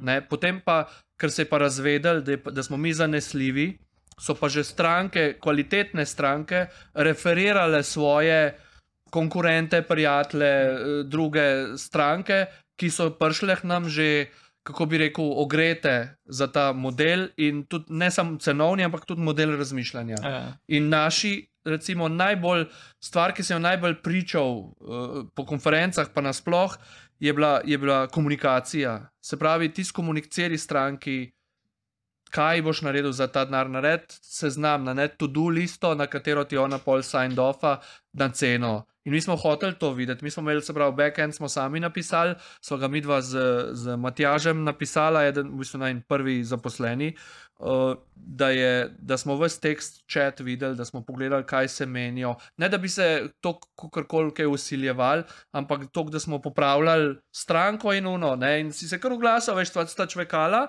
In se od spodaj, a veš, ne napisali, Tomaš, customer support, živijo, vidim, da sta se skregala, recimo, a lahko kako pomagam, neko medijacijo. Pa Tako smo se vmešavali aktivno, in, ampak stranke so to cenile, ker so videli, da, je to- da, je- da, se pravi, Da, oni nek, da stranka nekaj profitira in pa istočasno pač freelancer. Tako, pač Se ima- pravi, hočeš Tako. povedati, da bil je tu pač market, vse je market, ampak dejansko ste posegali v ta balance, posegali ste v komunikacijo, pa boste, da ste lahko kvaliteto cele Tako, zgodbe držali tako. na nekem nivoju. Tako. In če se lahko na enega, recimo, če en če, včasih me kdo vpraša, kdo je glavni, kdo je tvoja persona tu, stranka ali developer. Mm. Ne? In pri vseh konkurencah, kar smo nekako videli, analizo delali, je stranka kralj. Mm. Pri nas ni bilo tako, pri nas je developer kralj. Ampak smo poskrbeli, da je on, se pravi, to njegovo kraljevanje upravičil z kvalitetnim delom. Oziroma kontra, ko je naredil dober, je postal kralj. Prvih par projektov smo itak imeli nek, uh, kako bi temu rekel, uh, test, te, preizkusno dobo. Se pravi, pri nas, ko je developer začel. Prvo gre, je šel itak čez vse te, to je s časom prišlo, ni bilo to iz nule, ne? se pravi, da smo imeli nek, nek mehanizem, nek vetting proces, da je res dober, pa imel pa še tri mesece preizkusne dobe. In pa si dobil nek silo v approval, tako rekoč, ne? ki je pomenil, da si pol permanent codable developer. In to je, bil, in to je z leti čas tratala. A veš, jaz sem pa, ne, smo še neko plaketo, to, ki mi je dogajalo, smo plaketo naredili. So plaketo dobili, na kateri so nam dva s perom podpisana, Certified Codable Developer. In to je bilo tako, ker je prišel na konferenco, je mi nekaj pomenil. Ja. Ne? In to je tako, meni osebno zelo veliko zadoščenja. Je, ne. je bilo pa tle, se pravi, to, da je bil certified, to je bilo zgolj na podlagi satisfactiona stranke. Tako. Ne, ne Tako. to, da bi vi pošli reviewati, kar koli je bilo pač narejeno. Mm, Se pravi, mi smo samo skozi vetting proces. Ja, eh, razumem, Da, razumem. da, da smo videli, Ja, če ima tehnično ja, znanje. ja. Drugače pa ne, nismo šli nič gledati. Uh, se pravi, ko je izvetel, ko je bil pesel, se pravi, tiste tri mesece je imel za sabo pol vsak, ne vem, 10, 15, 20 projektov, večjih in manjših, in pol smo videli, ok, average score je, ne vem, 4,7, kar je full dober, in večina je imela itak zelo velike skore, ker smo že prej odrezali, če so, veš, je dobil en, en vse se vsakmu naredi, noben ni popoln, ne? ampak ko pa dobi jih pet zapored, pa veš, da je nekaj narobe in pa so leteli ven iz sistema.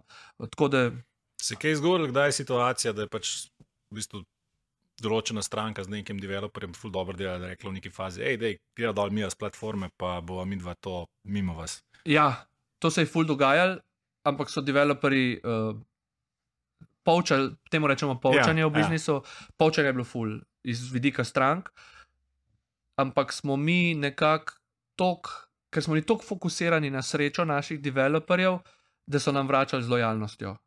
In s- smo zvedeli, recimo je prišel, pa je rekel: Poslušaj, hoče me poučati.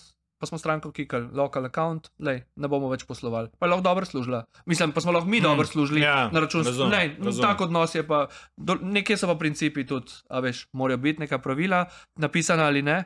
In se je ful dogajalo, izjemoma pa smo, recimo, če smo videli, da developer dela tako, se je tudi zgodil, ne vem, delo pol leta za isto stranko in neko posluš, stranko so se pogovarjala, ne, pa me mogoče mika, da bi delal izključno za njih, da me zaposlijo. In pa smo se s stranko zmenili in smo imeli sestank v živo na Skypu, tako ker se mi zdaj pogovarjamo, dobro, mi se zdaj v živo, uh, ampak tako. In je stranka rekla, ja, mi bi ga zaposlili, gor dol, ok, ne. Lej, če vam tako, pa da za naprej ni problema, smo, a veš, nismo totalne pizde, mislim, štekam, če dela skus. A veš, ne moreš kar v nedogled, tudi most, tudi ni fair v končni fazi. ne. Smo, smo ga postavili na noge, smo jim dali veliko, smo imeli veliko tudi kontra od njih, ne? ampak smo rekli, da je okay, zaradi tega tudi kaj korekten odnos, sodelujte uspešno dalje. Ne? In se je že zgodilo, da je tudi pol tak developer prišel čez dve leti nazaj. Je rekel, nimamo konc projektov ali pa je razpadla firma, whatever, ne? smo ga vzeli nazaj. Čak, če te prav razumem, se pravi, developerji so dejansko bili prek Codable zaposleni. Ne, Se pravi, oni so še vedno freelanceri. Freelancerji. Se pravi, ti si še vedno ta platforma, ki v bistvu poskrbiš, da um, je ta, re- rečemo, bidding in pa, in pa plačevanje za, za projekte in to je tako. Ja. to. Okay. Eno vprašanje imam tukaj. Um, zdaj, pač, ok, ljudje, ki poslušajo, um, da prideš Gledajo. Gledajo. Gledajo. gledajo. Uh, gledajo. Eh, Ljudje, ki poslušajo, gledajo, verjetno imajo vprašanje. Um, pač, če greš delati v neko tech firmo ali pa agencijo, pač ever, je tehnični intervju. a ne, a In pač moraš ponovadi preveriti uh, neke tehnične sposobnosti kandidatov. a ne. Um, isto ste mogli tudi vi med postopek. Uh, Ja. Da mi mal povej, mogoče, zdaj sicer nismo čisto establishali, koliko različnih firm si prej delal, preden si šel v Codable, pa to delati. Ampak okay. predpostavljam, da Eno. si šel. Ja, predpostavljam, da si šel, da, da, poznaš proces klasičen v firmu, priješ pa se pogovarjaš. Koliko je ta proces bil drugačen, ali kak je bil proces pri, pri, pri tehničnem rekrutmentu v, v Codable? Ali se približno poveš, a, a, je, to, a je to sam, ali je to Ne. top secret? ali- Ne, ni top secret, nisem bil udeležen v to. Aha. Mislim, na začetku, prve X je bil let, mogoče je bil tako gut feeling, no, čist. da vidiš, o čem ve, Ja. govori, pa je bil, skozi, pa je bil ta mogoče brute force. Veš, Ja. stranke so zadovoljne, good enough, stranke niso zadovoljne, z njimi je nekaj se narobe. z pravi, se pravi, v tem funnelu si mogoče spustil malo več ljudi noter, pa si potem preko tega rejtinga Tako, videl, ali so tako. Dejansko si jim dal priložnost, da so poskusili. Ja, tako. Okej, okej. No, ker, ker tako je bilo, v bistvu sem. Ta prve freelancerje sem tako dobil, da sem fake projekt objavil na konkurenci. Ja. Ja. Sem jih dobil in pa sem jih tako vetal. Svojih Ampak verjetno so tudi konkurenca ti je verjetno vrnila z istimi pristopi. Pojma nimam. Mislim, se pravi, ker pri nas so bi bili. ti, no. ja, pri, ampak pri, se pravi, pri, na- nis, če so, so bili neuspešni, no? ker pri Ja. nas je bila lojalnost zelo visoka. No? Tako da nimam, pop, sicer imamo, potem smo imeli tehničen proces, ampak na tisti točki, to je bilo že tako, ne vem, 4-5 let in Mhm. Nisem bil več. Uh, Udel, vključen v te procese. Smo imeli zaposlene, ki so se sam s tem ukvarjali, predvsem na customer supportu, ki so bili za to zadolženi, in uh, jaz pa customer support, pa dva druga. Zdaj imam, zdaj imam tukaj imam napisano dve točke. Uh, I love customer support, sem si napisal. Ja, Verjetno srček ima zraven napisano, pravi, verjetno imaš full dobro, tako gojiš neko strast do customer verjetno bo To je ista, ista zadeva s PHP-jem. ne? Ja. Ne, mislim, Ali, ali hojiš? ne vem, jaz sem si iz najnega pogovora tukaj zapisal, da, v bistvu imaš full rad, da, ste, da, da imate vsi v, v tej firmi tako radi customer support, da ste šli na rotacijo in si na ta način spoznal stranke, spoznal si probleme. Da nam to pove, ali to deluje, ali si se kaj naučil iz tega. To bo mogoče una tema, ki ne bo hotel povedati. Ja. čakaj, ne, hočem biti. Uh, Politi- politično korektno. Ja, ja, ja. Koliko, lej, obožujem customer support. Ga, ja. Jaz naravnost obožujem, nor sem na customer support, dokler ga upravlja nekdo drug. Aha. Ja, se pravi, uh, ta drama, ki jo prinese človeška narava, mi ni preveč pri srcu, če sem No, ampak- dovolj politično korektno. Ja, ampak, Eh, so ljudje saj bi lahko šel v. a Ne, Ja, ne, tako ti bom rekel, lej. Zjutraj se zbudiš, tam ti nekdo piše, super ste kot podjetje, odlično vam gre. Spoštovani poslušalci tega podcasta, uh, da, bote, da vam urišem sliko tipičnega support, um, uh, kako bi rekel, okolja. Ljudje, ki so zadovoljni z storitvijo, tega ne povejo. Spra, skratka, kaj potem ti ostane na customer supportu, so ljudje, ki so nezadovoljni in so včasih rahlo nezadovoljni, včasih so pa totalne pizde. V, z velikim P-jem in ostalimi črkami, tudi pa ta velik klicaj, pa podčrtan pa rožički in, in, in ne glede na kaj bi jim dal, bi bili še vedno nezadovoljni. Tako, ne? tako. Ja, in in ja. tega je, recimo, če si bolj empatične narave, potem te to izčrpa. Izčrpa tako z enim človekom, govoriš tri minute in si ti zdan totalno za nikamor. Ne? Tako da. Customer support ni za me. No. Ni zame. ne, Smo stari. ampak na srečo, recimo, Ja, ne, kar ja. je pa kul, cool, američani so pa fantastični v tem. Ne. Potem smo zaposlili američane ne, in on je tako, s- recimo, imeli smo enega zaposlenega, ki mu je ime David in ta David je bil tako. Everything is awesome. Ne? In Ame, je. ameriški uh, princip. Ja. Ja, in, in on, veš, tako nad njega so šli speechforki, pa tako, ne, a veš, nesramni bili, on pa tako, ja, kol, cool, bomo rešili, a veš, ti. Jaz tako, kako zmoreš, star, jaz bi si žile rezal na tvojem mestu, pa ne, no, on pa kar ja, smile. No, ampak a, ti, a, ti, a, a se ti zdi, da je to res pač reševanje problemov, ali dobiš tudi nek ta insight, kako razvijati produkt, pa v končni fazi firmo, ali, ali je to da nek mit v resnici. Mislim, pač dejstvo je, ustvara- ustanavljali ste sicer firmo, ki je danska, ampak ste delovali globalno. Ja, Dejstvo je, da stranke so remote, dejstvo je, da klienti so remote. ja. Kako dejansko razvijaš produkt v takem okolju, ko ne vidiš stranke in a vse po feedback, ali no. po metrikah. Dobiš, recimo, dobiš, so se pravi, prej sem večkrat karikiral, uh, niso vse stranke to hardcore. ne. Ja. Se pravi, imaš stranko, ki jo pove, da ji nekaj ne paše. Mhm. Ne? Lju- Vljudno in tega je tudi ogromno, Mhm. da ne bo pomote, in iz tega dobiš ven neko zgodbo ali pa idejo, kam bi se firma mogla premikati. Recimo, dobi, feedback pa je tako iz vidika naših developerjev, smo pa je tako skozi dobivali feedback, pa na konferencah se srečevali, pa imeli forum dedicated, prav tam, ker smo sam čvekali z njimi, Mm. a veš, eh, pa imeli smo pol Discord, chat, pa tako. Tako da ogromno feedback, feedbacka z vidika developerjev. Stranke so pa se pravi tudi povedale, kaj jim fali ali pa kaj bi drugače. No, in smo na podlagi tega se nekako odločili, kam bomo šli. Se veš, je pa tudi tako, ne, squeaky wheel, squeaky wheel gets the grease. Ne. Mhm. Se pravi, tiste stranke, ki so bile bolj glasne, tiste so bolj ponovadi. Bolj Ja. si jih zapomniš no, v Ja. končni fazi in je mogoče dodaten weight na tistih featurejih, ki bi rešil njihov problem. No, tako bom rekel.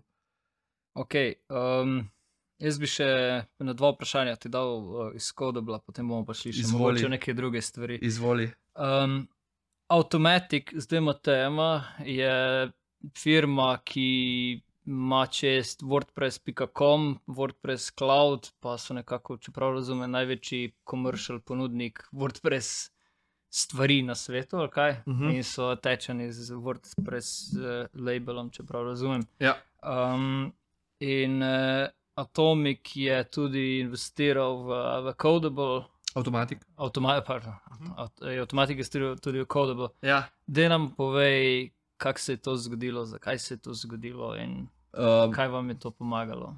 to je bilo tako. No. Oni niso investirali per se, ampak so kupili firmo, ki je bila solastnik Codabla. Se pravi, ko smo mi začenjali s Codablom, nismo imeli pismo nikoj ništa, da tako rečem. In rabili smo enega strateškega partnerja, ki nam bo ponudil, um, ki nam bo ponudil svoje stranke ali pa pripravljenih deliti bil. Ne? No, in smo tako prišli do kontakta iz podjetja, ki se je imenovalo takrat WooThemes, ki so imeli ta WooCommerce. Ja. In to je bilo južnoafriško podjetje. No, in sem jaz kar tako cold email poslal. Ta prvega ni bilo odgovora, na ta drugega ni bilo odgovora, potem pa na ta tretjega pa bil odgovor. Ne? In smo se začeli pogovarjati, ne? se pravi, da bi mi nekako partnerstvo z njimi, ker pač nimamo nobenih strank, smo nov aktor na sceni, bla bla. Ampak smo se začeli pogovarjati in oni so zahtevali pač v zameno pač delež podjetja, kar je logično, ker denarja jim nismo imeli za ponuditi z nič strankami, nič prihodki, pač ne, lahko jim sam delež firme daš, ki je tudi vreden nič, Mhm. ampak je pa potencial, pa ima, ne. No in takrat smo jim pač uh, dali, ne vem, so bili 3 ali 5 procentov, se niti ne spomnim več tega, je 10 let praktično, tako da dali smo jim procente, no. In te procente so pol, ko so jih akvirali, se pravi, Automatic, ki je lastnik WordPressa, All Things WordPress, je, so kupili WooTeams Aha, in okay. tako se je potem, so se, v bistvu so, sam, so se preimenovali že prej v WooCommerce, mislim, da, ker, ker je bil to by far njihov uh, najbolj popularen plugin. No in oni so jih kupili in s tem so dobili pač naš delež. Kako nam je to pomagalo, ni nam tako nada, Mhm. veselje z tistem, t- tistem trenutku je bilo po- Ja, ves, pomembno, veselje ja. je bilo tako, no, tako bolj bragging rights je bil. Ne. Se pravi, ne, en hodrej iz Kobilja ima firmo, katere so lastnike Automatic, ki je 44% spleta, ampak to je bilo to, samo bragging rights, ker od tega jaz neke merljive zadeve, več težav zaradi določenih legalnih zadev, mogoče celo bi rekel, je prinesla zadeva, kot nekih bonusov ali pa. Um, pa tudi tako je. No. Strateški partner. no, Je, vse, ja, ampak kaj tle stvari, se, katere se ne govori, recimo, so tudi neki egoti v zadju. Ne? ne bom, tudi moj v končni fazi, od vseh nas in ti egoti včasih hodijo zelo na robe uh, pri pr, pr kakšnih poslih, ki bi bili lahko lepši in bolj. Uh, pa ne govorim o tem prevzemu, ampak nasploh so. V vse, se, mi zdi, da je v vsaki, vsakem komunitiju so tudi egoti mal. Tle, tle vmes pol navezal, pač prej bo to rekel, da, da ima še kakšno vprašanje. Um, da pač v tej desetletni zgodbi, ne, Ja. ki lahko rečeš, da je predvsem poslovna. Mhm. Kaj so zdaj neki te, um, rekel, kaj iz tega ven lahko, kaj si se ti največ naučil, kaj je tisti, tisti pa, pa, pa, po možnosti neke take vem, zgodbe, ki, ali pa neki pitfoli, ki so se zgodili, ki, ki so v tistem momentu bili tako po svoje zajebi ali pa ne. Ja, ampak so ti dali pač, ne vem, za naprej ali pa za, za razmišljati ali pa za spremeniti mindset. Rečeš, ja, to pa, to pa mi, je, ne, mi je vseeno pač zadeva dala neki. A je kakšna taka zadeva? Mislim, da se To je tako zdaj. ja. ja, sem na, na, na, na veliko zastavil, ampak tako da ti, da bi rekel, ej, v tej celi zgodbi je pa, je pa ne vem. Ta pa ta zadeva, ki pa, ki pa mi je vem, odprla oči, spremenila, ali pa čez to težko zadevo sem mogel iti, da pač sem razumel. ja, ja. Vsekakor je to um, mogoče fin, finančno, finančno je, se pravi, zelo sem bil finančno na dnu, pika, ker smo začenjali tole celo stvar. In uh, mogoče tu privoščim na nek način vsem mladim podjetnikom, da začnejo z nule, ker znaš fulbel cent, vsak majhen uspeh, vsak korak naprej, ful si agilen. Takrat se mi zdel, takrat se mi zdel blazno nepošten, da se razumeva, ko smo začenjali, recimo, če povem, oziroma moram zdaj povedati tole zgodbo, no, ni, ni, ni ful dolga. Najbolj na dnu sem bil takrat, ko smo štartali Codable, sem bil dolžen okrog in okrog. In tri mesece sem zamujal plačilo, z, plačilo leasinga za avto, to je bilo Jurija, recimo. In je prišel do tega, da so mi detektiva poslali domov. In je prišel detektiv na vrata potrkati, jaz sem pa prišel izterjati tega Jurija. In sem si sposodil od tašče, ki si je sposedel, sposodila od sosede, ker tudi ni imela takrat prsep. In je sosedi šla, ki je pod polštrom imela Jurija, ne hecam se, in me je ta detektiv peljal v, na banko in sem mu pričal njega mogel položiti denar na račun banke, kjer sem bil dolžen te tri leasinge, te tri obroke. Potem me je pelil domov, je bil zelo prijazen možakar, tako da ne bo pomote, nič slabega, ni tle. In potem so se poslovila in je šel. In čez en teden sem dobil račun za 400 evrov za njegove storitve od banke. Ne? Tok lov, tok lov pa nobenemu ne prvošem, ker sem se takrat usedel na pojsla pa dve ure jokov. Ker nisem vedel, kot provider za družino, sem totalno failal v providanju za družino. To je bilo zelo, zelo težko, ampak nauk ali pa če hočeš, kar sem povlekel, je to, da danes znam ceniti vse, ne vem, partnerstva, poznanstva, znanje, izkušnje, osebno rast. Meni osebna rast ogromno pomeni. Ne, Kjer reče, ja, te je lušten govoriti, ki imaš denar, ampak z nule vsi začnemo, vsi se nagi rodimo. Ne, in, in priložnost smo šparjeti za roge, ki pride. No. In takrat smo ful verjeli in tudi, še enkrat moram tudi na tej točki reči, da je moja žena kriva, da sem ali pa smo, kjer smo, ker je rekla, bomo že, Tomaš, bo že neki pogrunto, bomo pritisnili. Ne. To so te, te zgodbe. Ne. Vsak najlažje se je hvaliti z uspehi, Mm. ne. ampak uspeh tudi hitro gre v končni fazi.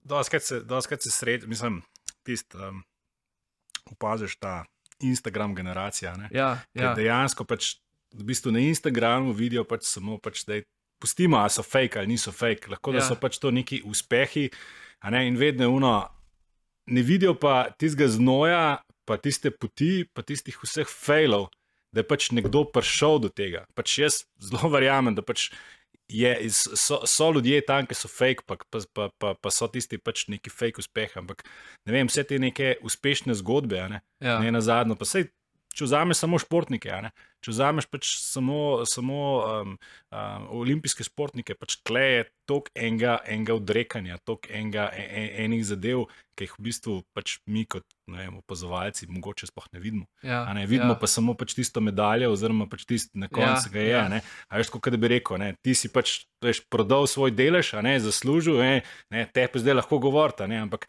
veš, noben pa ne vidi, da pač to, kot si rekel, ne, tega odrekanja, pa te, te, te poti, ki pač verjetno ni bila lahka. Ja, ne? ne, vse, mislim, vsekakor. No, in to, kar si vprašal, kaj je, kaj je ta takeaway, ne, ta borba, ne, je borba. Jaz se pravim, vsi, vsi radi, radi damo ta.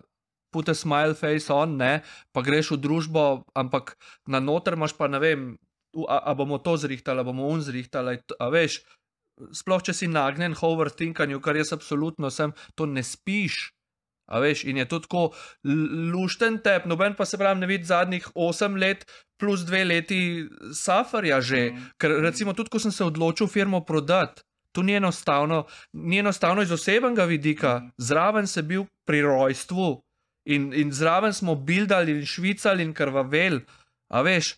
In pol kako partnerju reči, ki je sicer opazil, sva bila zelo hiter na isti dolžini, valovni, ne? ampak kako pristopiti pa reči stari, ne morem več, nimam, nimam tistega draža, tistega driva, ne? in tudi tle, pa pol straniti. Tudi, tudi čustva so upletena v končni fazi, tudi če pustiš legalije, pa denar na strani, je to mentalno, ful veliko breme lahko. Ne? In, in teh vojn, ki jih bijemo, se mi zdi, da se sploh premalo pogovarjamo. A veš, tudi ne vem, eh, ker sem na kakšnih drugih intervjujih, a veš. Pa je mogoče poudarek sam success, success, success. Ja. V bistvu je pa vmes failerjev milijon, ampak kar se naučil, je to, da moraš rin dalje. Ne, vsakeč se spotakneš, ustaneš pa greš, ker če se že ustavil, si se ustavil, pol ne moreš reči, ja, pa drugi krivi gor dol. A Sprobil vse, dokler nisi sprobil, ima čist fucking vse, ne odnehaj, a veš, ne vem, tako filozofijo imam jasno. Sem- O, to brez besed. Ne, Ne, ganjen. ne, ganjen, ne.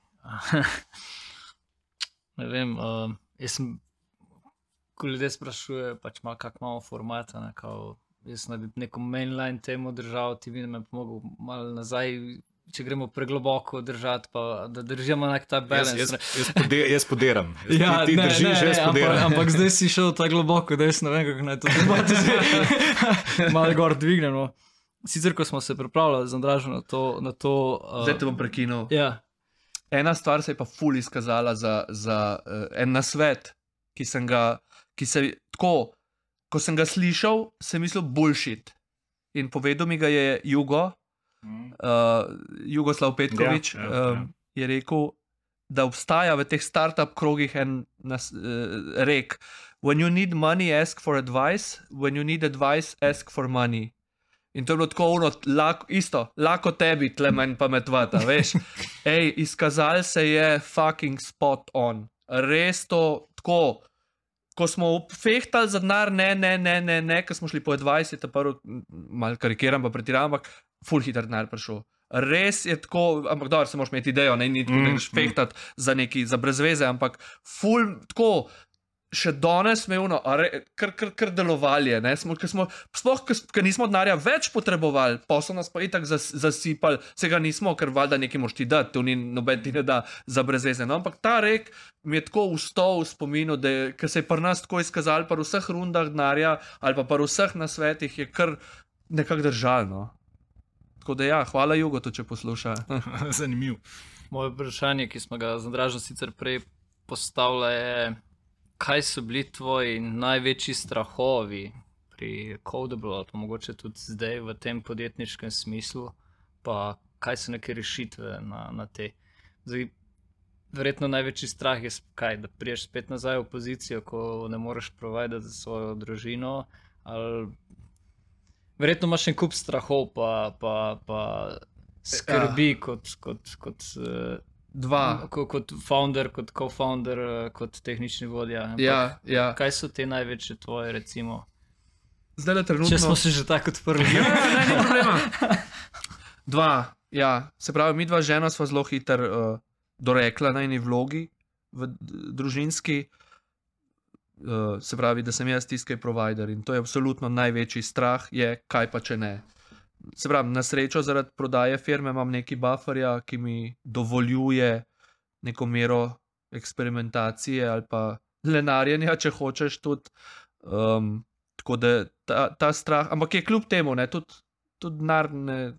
Pač ga zmanjka enkrat, tako, uh, tako da tukaj ni, ne, nisem neomejeno denarja dobil od te prodaje firme, da bi lahko cel life užival eh, na lovorikah tega, se pravi, ja, se pravi, ta strah, kako bomo naprej, Eh, mislim, kako.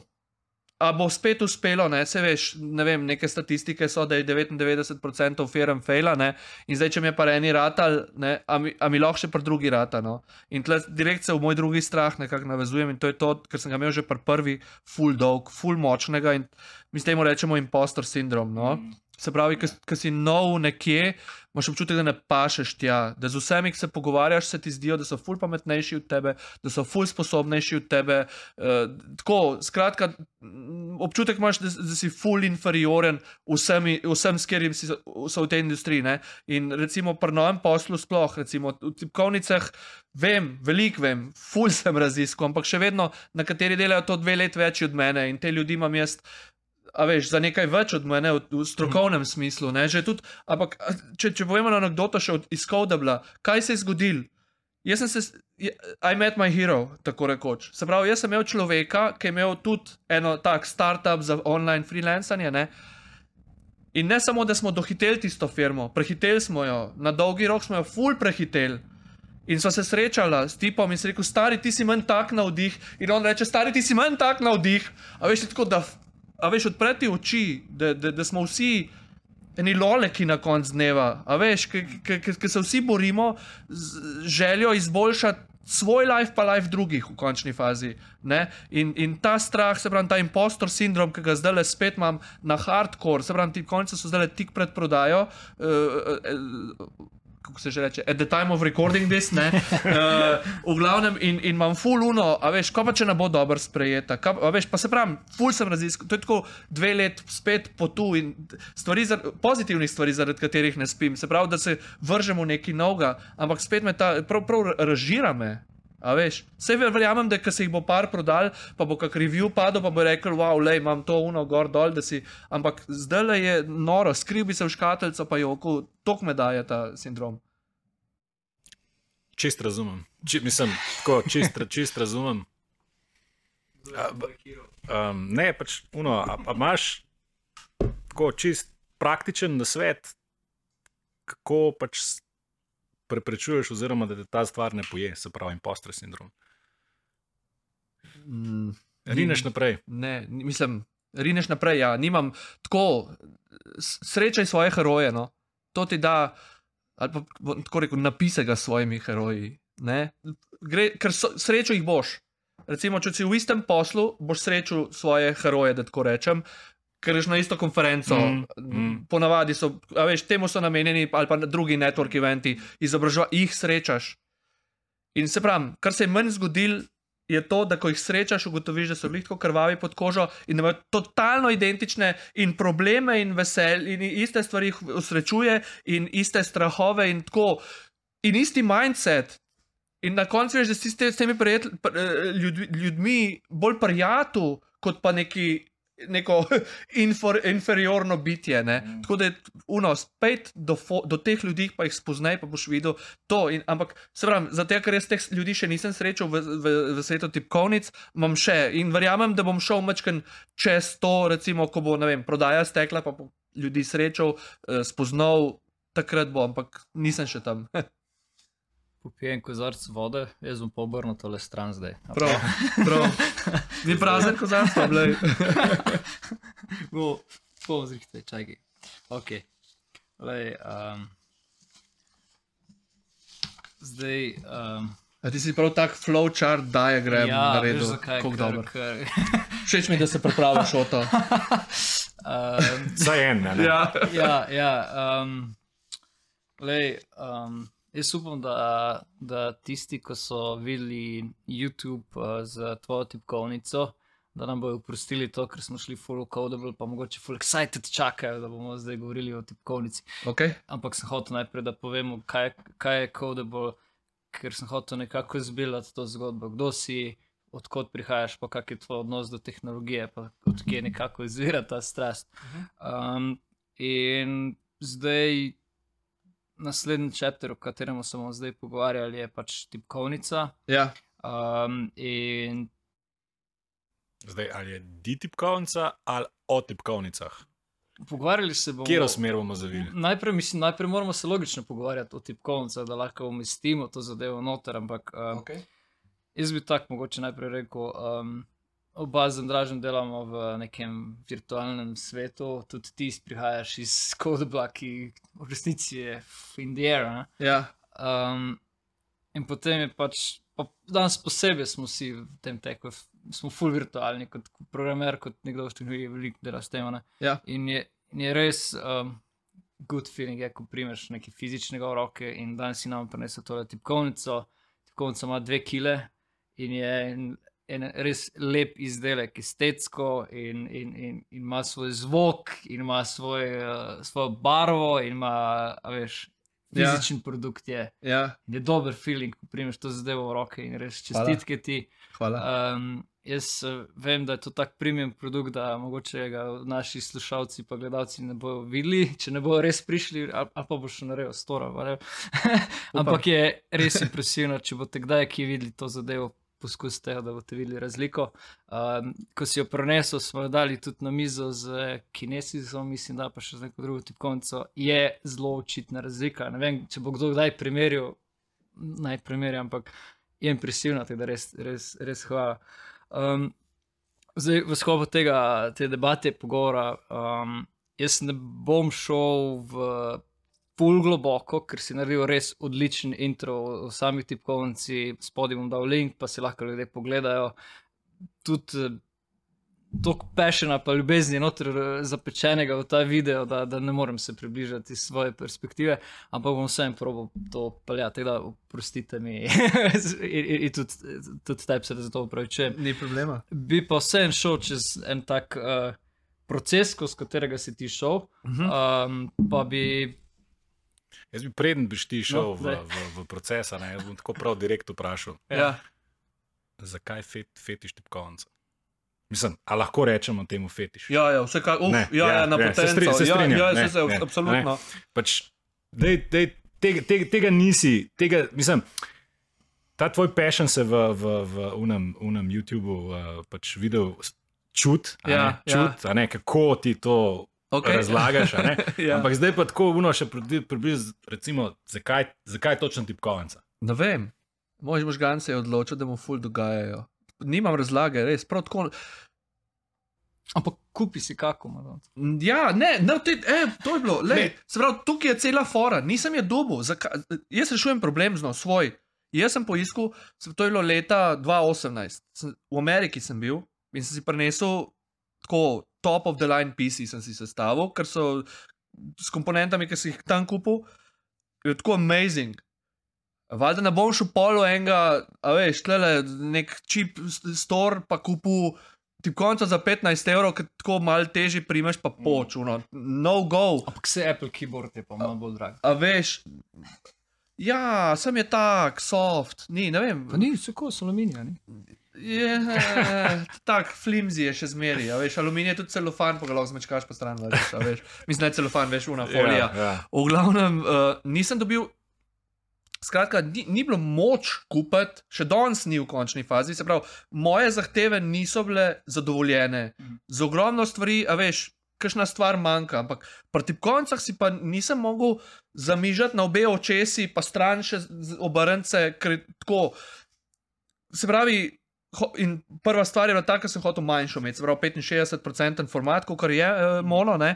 Uh, zaradi tega, ker, ja, za tiste, ki ne veste, tipkovnica, s- se pravi, moja se imenuje Mono. Uh, mislim, da to nismo omenili. Ko rečem Mono, mislim svojo tipkovnico. V glavnem, in hotel sem fuli, da je aluminijasta cela, nobene plastike, dobro, razen tipke, pa stikala, ker druge ne gre, drugače ne gre.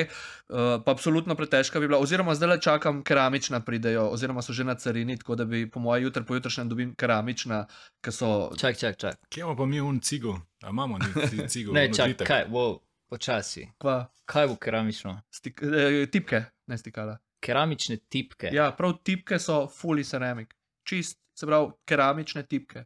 In so zelo nežne, ta, proper tipke, ni to nek gimmick. To je bil eden. A to je kaj pomeri Kickstarter, naročeno? Kickstarter Pomeri naročeno? Ne, ne, ne, se, to je standard. Je. Ja. Tipke so standard, MX reče temu, ker je Cherry MX, so ta standard naredili ne, in se držijo vsi tega. In tipke imaš različne profile, profile to, kakšne je strani, ne, vis, višina pa to, ampak te steme, ki se na, na, nasadi na stikalo, je pa vsi MX. In imaš prav, se pravi, bil je Kickstarter projekt, ki sem ga podprl in sem naročil dva seta keramičnih tipk, ki pridejo zdaj le en dan. Bojo. Dva seta, koliko je to? To je za dve tipkovnice. Ja, dva set, ja. Aha. set je pač eno tipkovnico pokriva. No, Kje sem ostal? A ja, uh, zakaj svojo? Se pravi, 65-odstotni format, fully aluminijasta cela, da je, da je težka, da se mi ne premika po mizi, da nima brandinga, ker mi gre blazno na živce ta overbranding, pa ne overbranding, ampak to. Pa eno jabko bi lahko nekom naredil. Ne, ne, ne, ne, ne. Je branding, ampak je na dnu, da se vidi, da je pač mono, da je, je moj logotip, ostalo nič, da je brezčasno. Potem, da je modularna, se pravi, da si jaz lahko, zam- reci, jaz lahko te, recimo, tipkovnici menjam obliko zunanjo, pa notranjost ostane identična. Se pravi, da lahko mix and match, pol enkrat, ne, na dolgi rok. Uh, pa želim si je ponuditi, ne želim si. Tipkovnica ima 10 let garancije. Deset let bo sigurno delala, če bi vezje, recimo, kakšni, ne vem, eh, nobena vezja elektronika odpove. Mhm. Aluminij ne bo odpovedal, takšen, kot je. je ne. In želel sem si, se pravi, iz vseh vidikov, iz funkcionalnega, da je top. Mhm. No, in zato sem jo šel sam narediti, ker je nisem dobil. Ker, sicer pa še to je. Folk, večinoma te entuzijasti, kakršen sem sam, grejo čez grub baje. Ampak zdaj imaš problem. Zdaj imaš full velik problem. Ti daš grub baj ven, pa moš pa čakati zaradi tega chip shortagea, zaradi vojne v Ukrajini, zaradi vseh teh globalnih zadev. Zaradi Jo, situacije. jo v čakaš, ja, ja. Zaradi, jih čakaš leto in pol in dve. Letos avgusta sem dobil tipke, ki sem jih čakal le, dve leti pa en mesec. Pa to, to tipka, za katero sem plačal 400 evrov za dva seta, recimo, ne? to ni pocen, ker je to butično, to, Ja. to je to je tako po tisoč setov, kar je globalno gledano zelo malo. Ne? In je to tako drago, da se toliko časa čaka. Jaz imam pa 50 tipkovnic na lagarju, na zalogi, nobenih nima zdaj. Um, to je zdaj, to je zdaj pač tisto, če zdaj dve zadevi, ne, pač, um, v, tem, v tem fetišu. Ne, Ja, um, a je to pol neki, na kar tipkaš?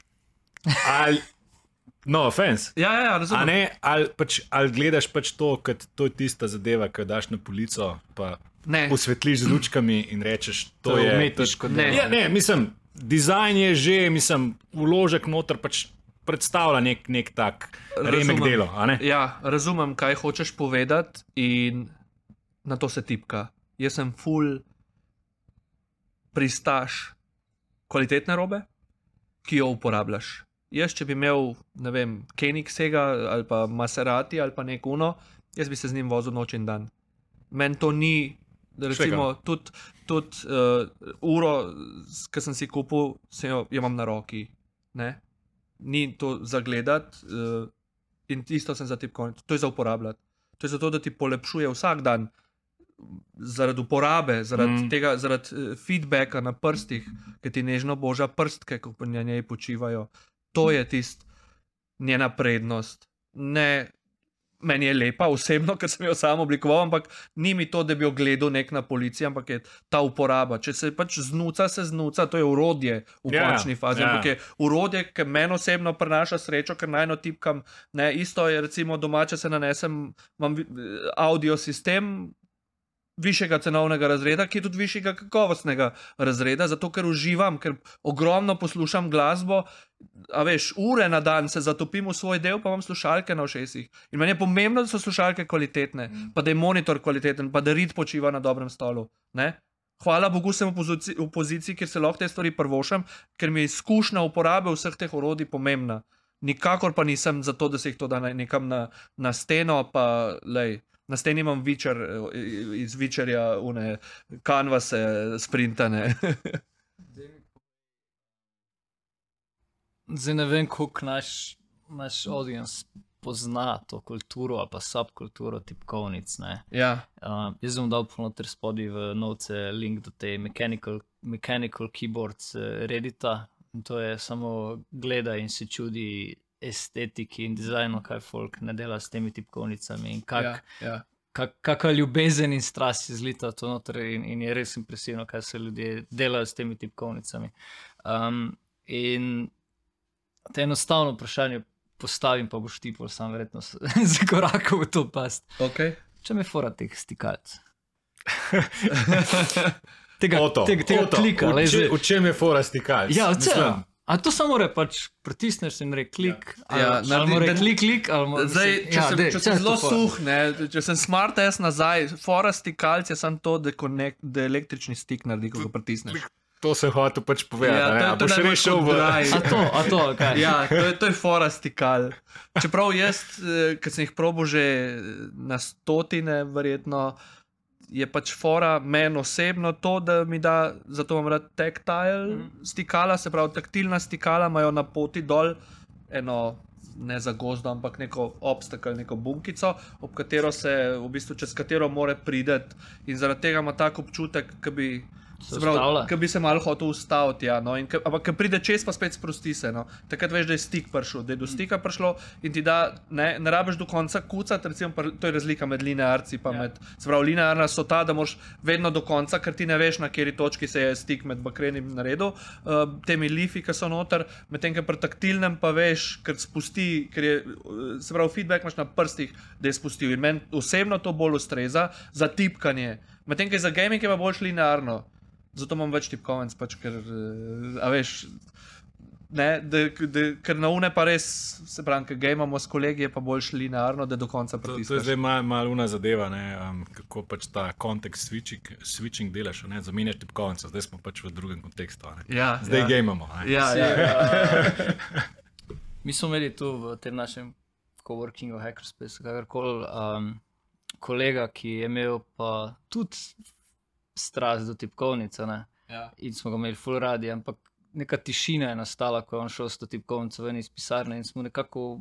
Je bilo dobro, no? ker pač ker te Ok. tipkovnice lahko postanejo zelo glasne, in zelo Ja. teče tudi. Ja, Ja, za, ja. Za, pač, eh, nekatere so glasne kot rekel, pisalni stroj, ampak loud. Ne? Ja, veš kako ti rekel, to imaš pa spet stikala. ne. Imaš, s- imaš silent linear, pa imaš silent tactile. In so pač silent. Ne? In je še zmeraj praktično ista tipkovnica, s tem, da so noter silent stikala in potem ne oddaja skoraj nobenega zvoka. Mislim, tako mal, da je tudi, recimo, kar si prej rekel, Appleova Mac, keyboard je full glasnejši od tega, ima noter silent stikala. Ker silent je samo to, da dajo tako gumico okrog teh uh, neke, neke tračnice, so, ali če hočeš, ali kot ne se bi rekel, in je na krog sem en, ena taka mini gumijasta, Mm. kot žička ali pa gesket okol.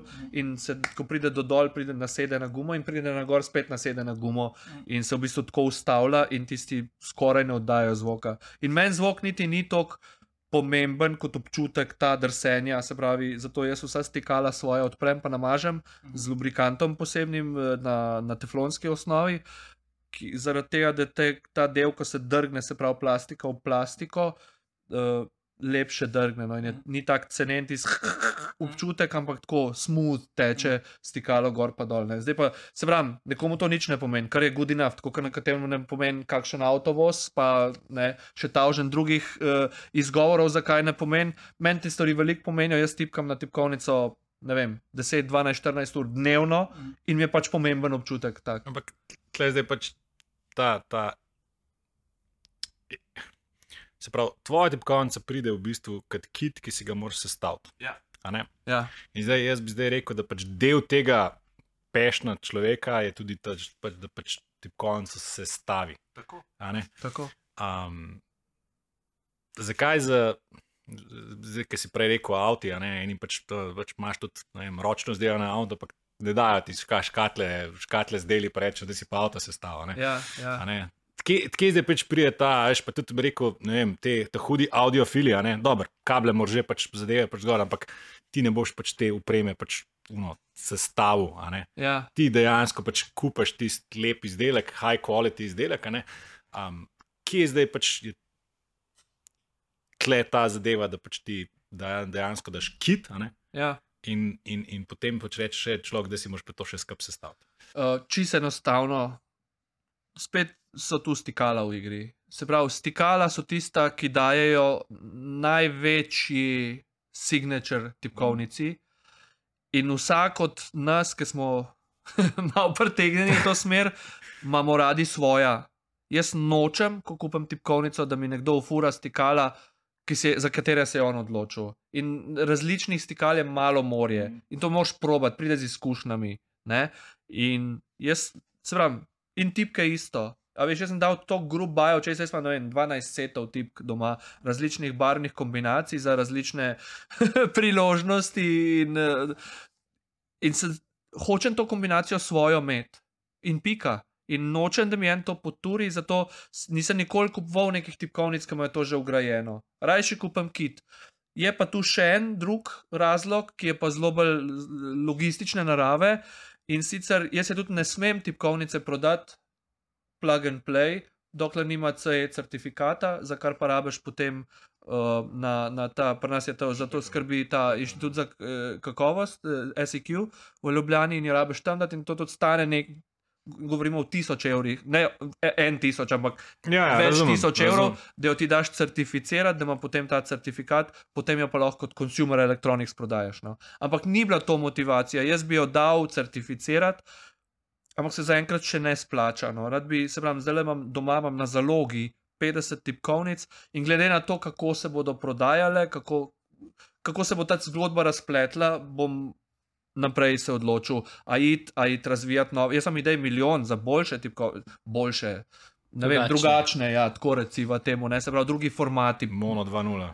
Ne, ja, Monomax, recimo, imam, se pravi, ljudje me sprašujejo, veliko ljudi, recimo, sploh službe, za službo, ne, bi radi večjo, ker rabijo numeričen del, ne, in bi imel prav Monomax, je, imam prototip že izdelan, ampak nočem pa naklade nala- na, na, na, naročevati, dokler nimam nekaj teh prodanih, da vidim, da jaz lahko živim od tega v končni fazi. Ne, ker, a veš, jaz, imam, jaz popolno tipkovnico imam, svojo, ki sem jo sam naredil. Ampak zdaj bi pa iz tega posla naredil, moramo pa pač testirati. Ker ti moraš vedeti, recimo v tele, v prvo serijo sem vložil 50 tisoč evrov. Če ne, če ne štejem svoj, minute svojega Ja, časa, ja. direkt cache.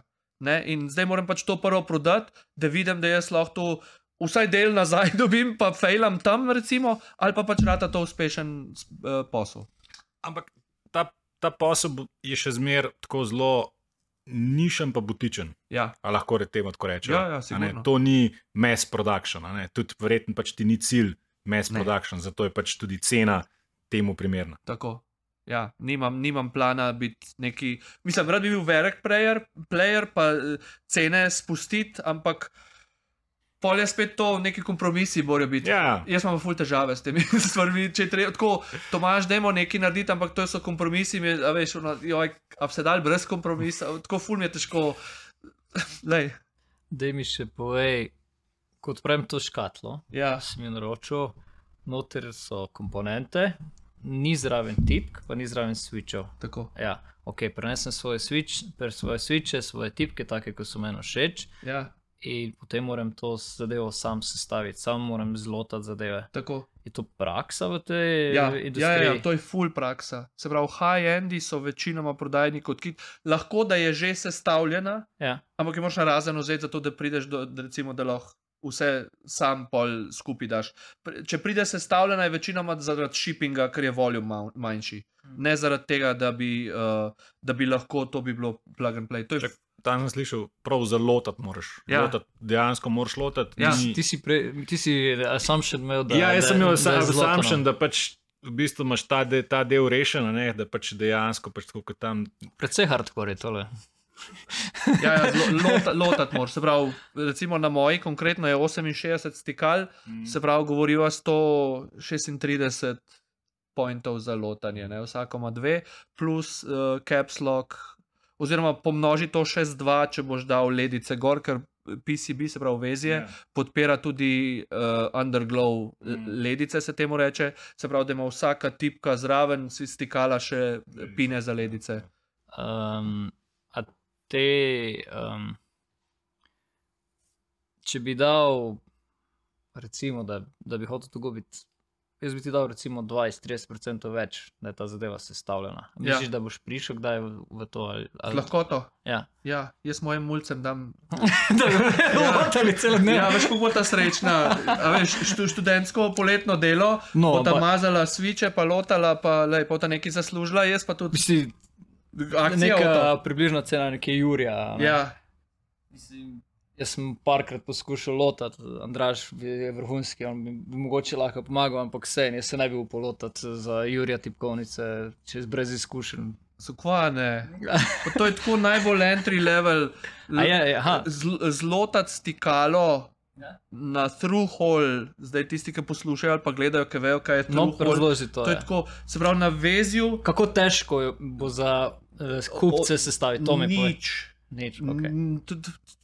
Kaj se nekomu, ki je, se pravi, ciljna publika, Ja. ti povem, da imajo, kako se reče, lotkolmu slovensk. Spajkalnik. Spajkalnik. ja. Ja, da imajo, spajk, hvala, da imajo spajkalnik doma in sigurno znajo. To je, to je najbolj, se pravi, hole se reče to, ki gre v bistvu, ki je na vezju luknja in če pogleda žička. Ja. In vse, kar rabiš, je z, z, z špico se dotakniti tiste žičke, pa malcina zraven. Sem ta šit, ki se- ne, ne, ne. to je- Ta- ta- to je- to je- ja, to je- Ta šit je vroč, jaz bom zajebil to stari, to vemo. Ne.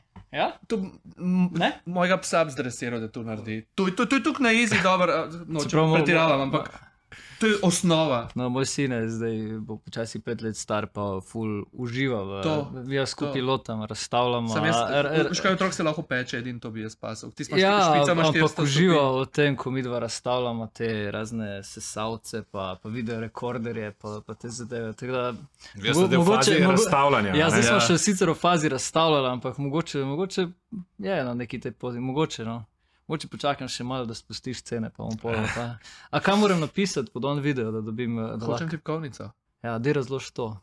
A ni to že mim, a nisi to že Ne, izvedel? zdaj le bo, ampak ne bo ta video, odzu, ta video bo prepoden od zunaj, oziroma Aha. tale podcast. Ja, ne, Dej to razširiti. to imam, do, to imam, ne.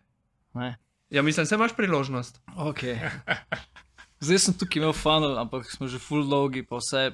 Pa bom vsem probo še nekaj teh s- s- segmentov. Dajva. Načrtovanje, načrtoval si v AutoCAD Fusionu, Ja, uh, hotel si v Sketchu. Autodesk. Ja, hotel si v Sketchu, pa si ugotovil, da ni najboljš, da je Fusion bolj enostavno. Okay. ne.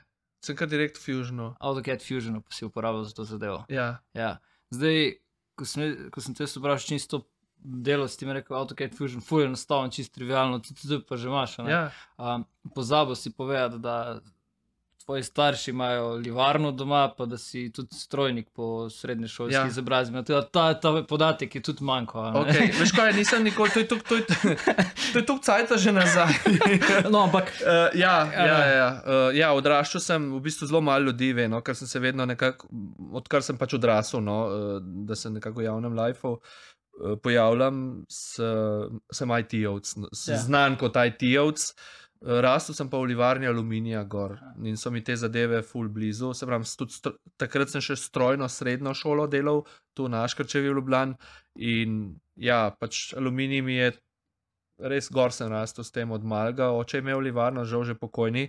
Mama je šla pa glih v penzijo, v bistvu tako da je sestra zdaj prevzela, tako da še zdaj imam stik ali pa ne vem, če bi si kdo želel, No, da je v to- livarno ogledati, ga pelem v Litijo, pa gremo v livarno, pa lahko tam pogleda, kako je 600 stopinj aluminij tam. Uh, no, to, to je en tak drobcen detajl, ki ga moramo vsem podvedati. Ljudem, da ne bo misli, da WordPress developer je zdaj naredil to tipkovnico.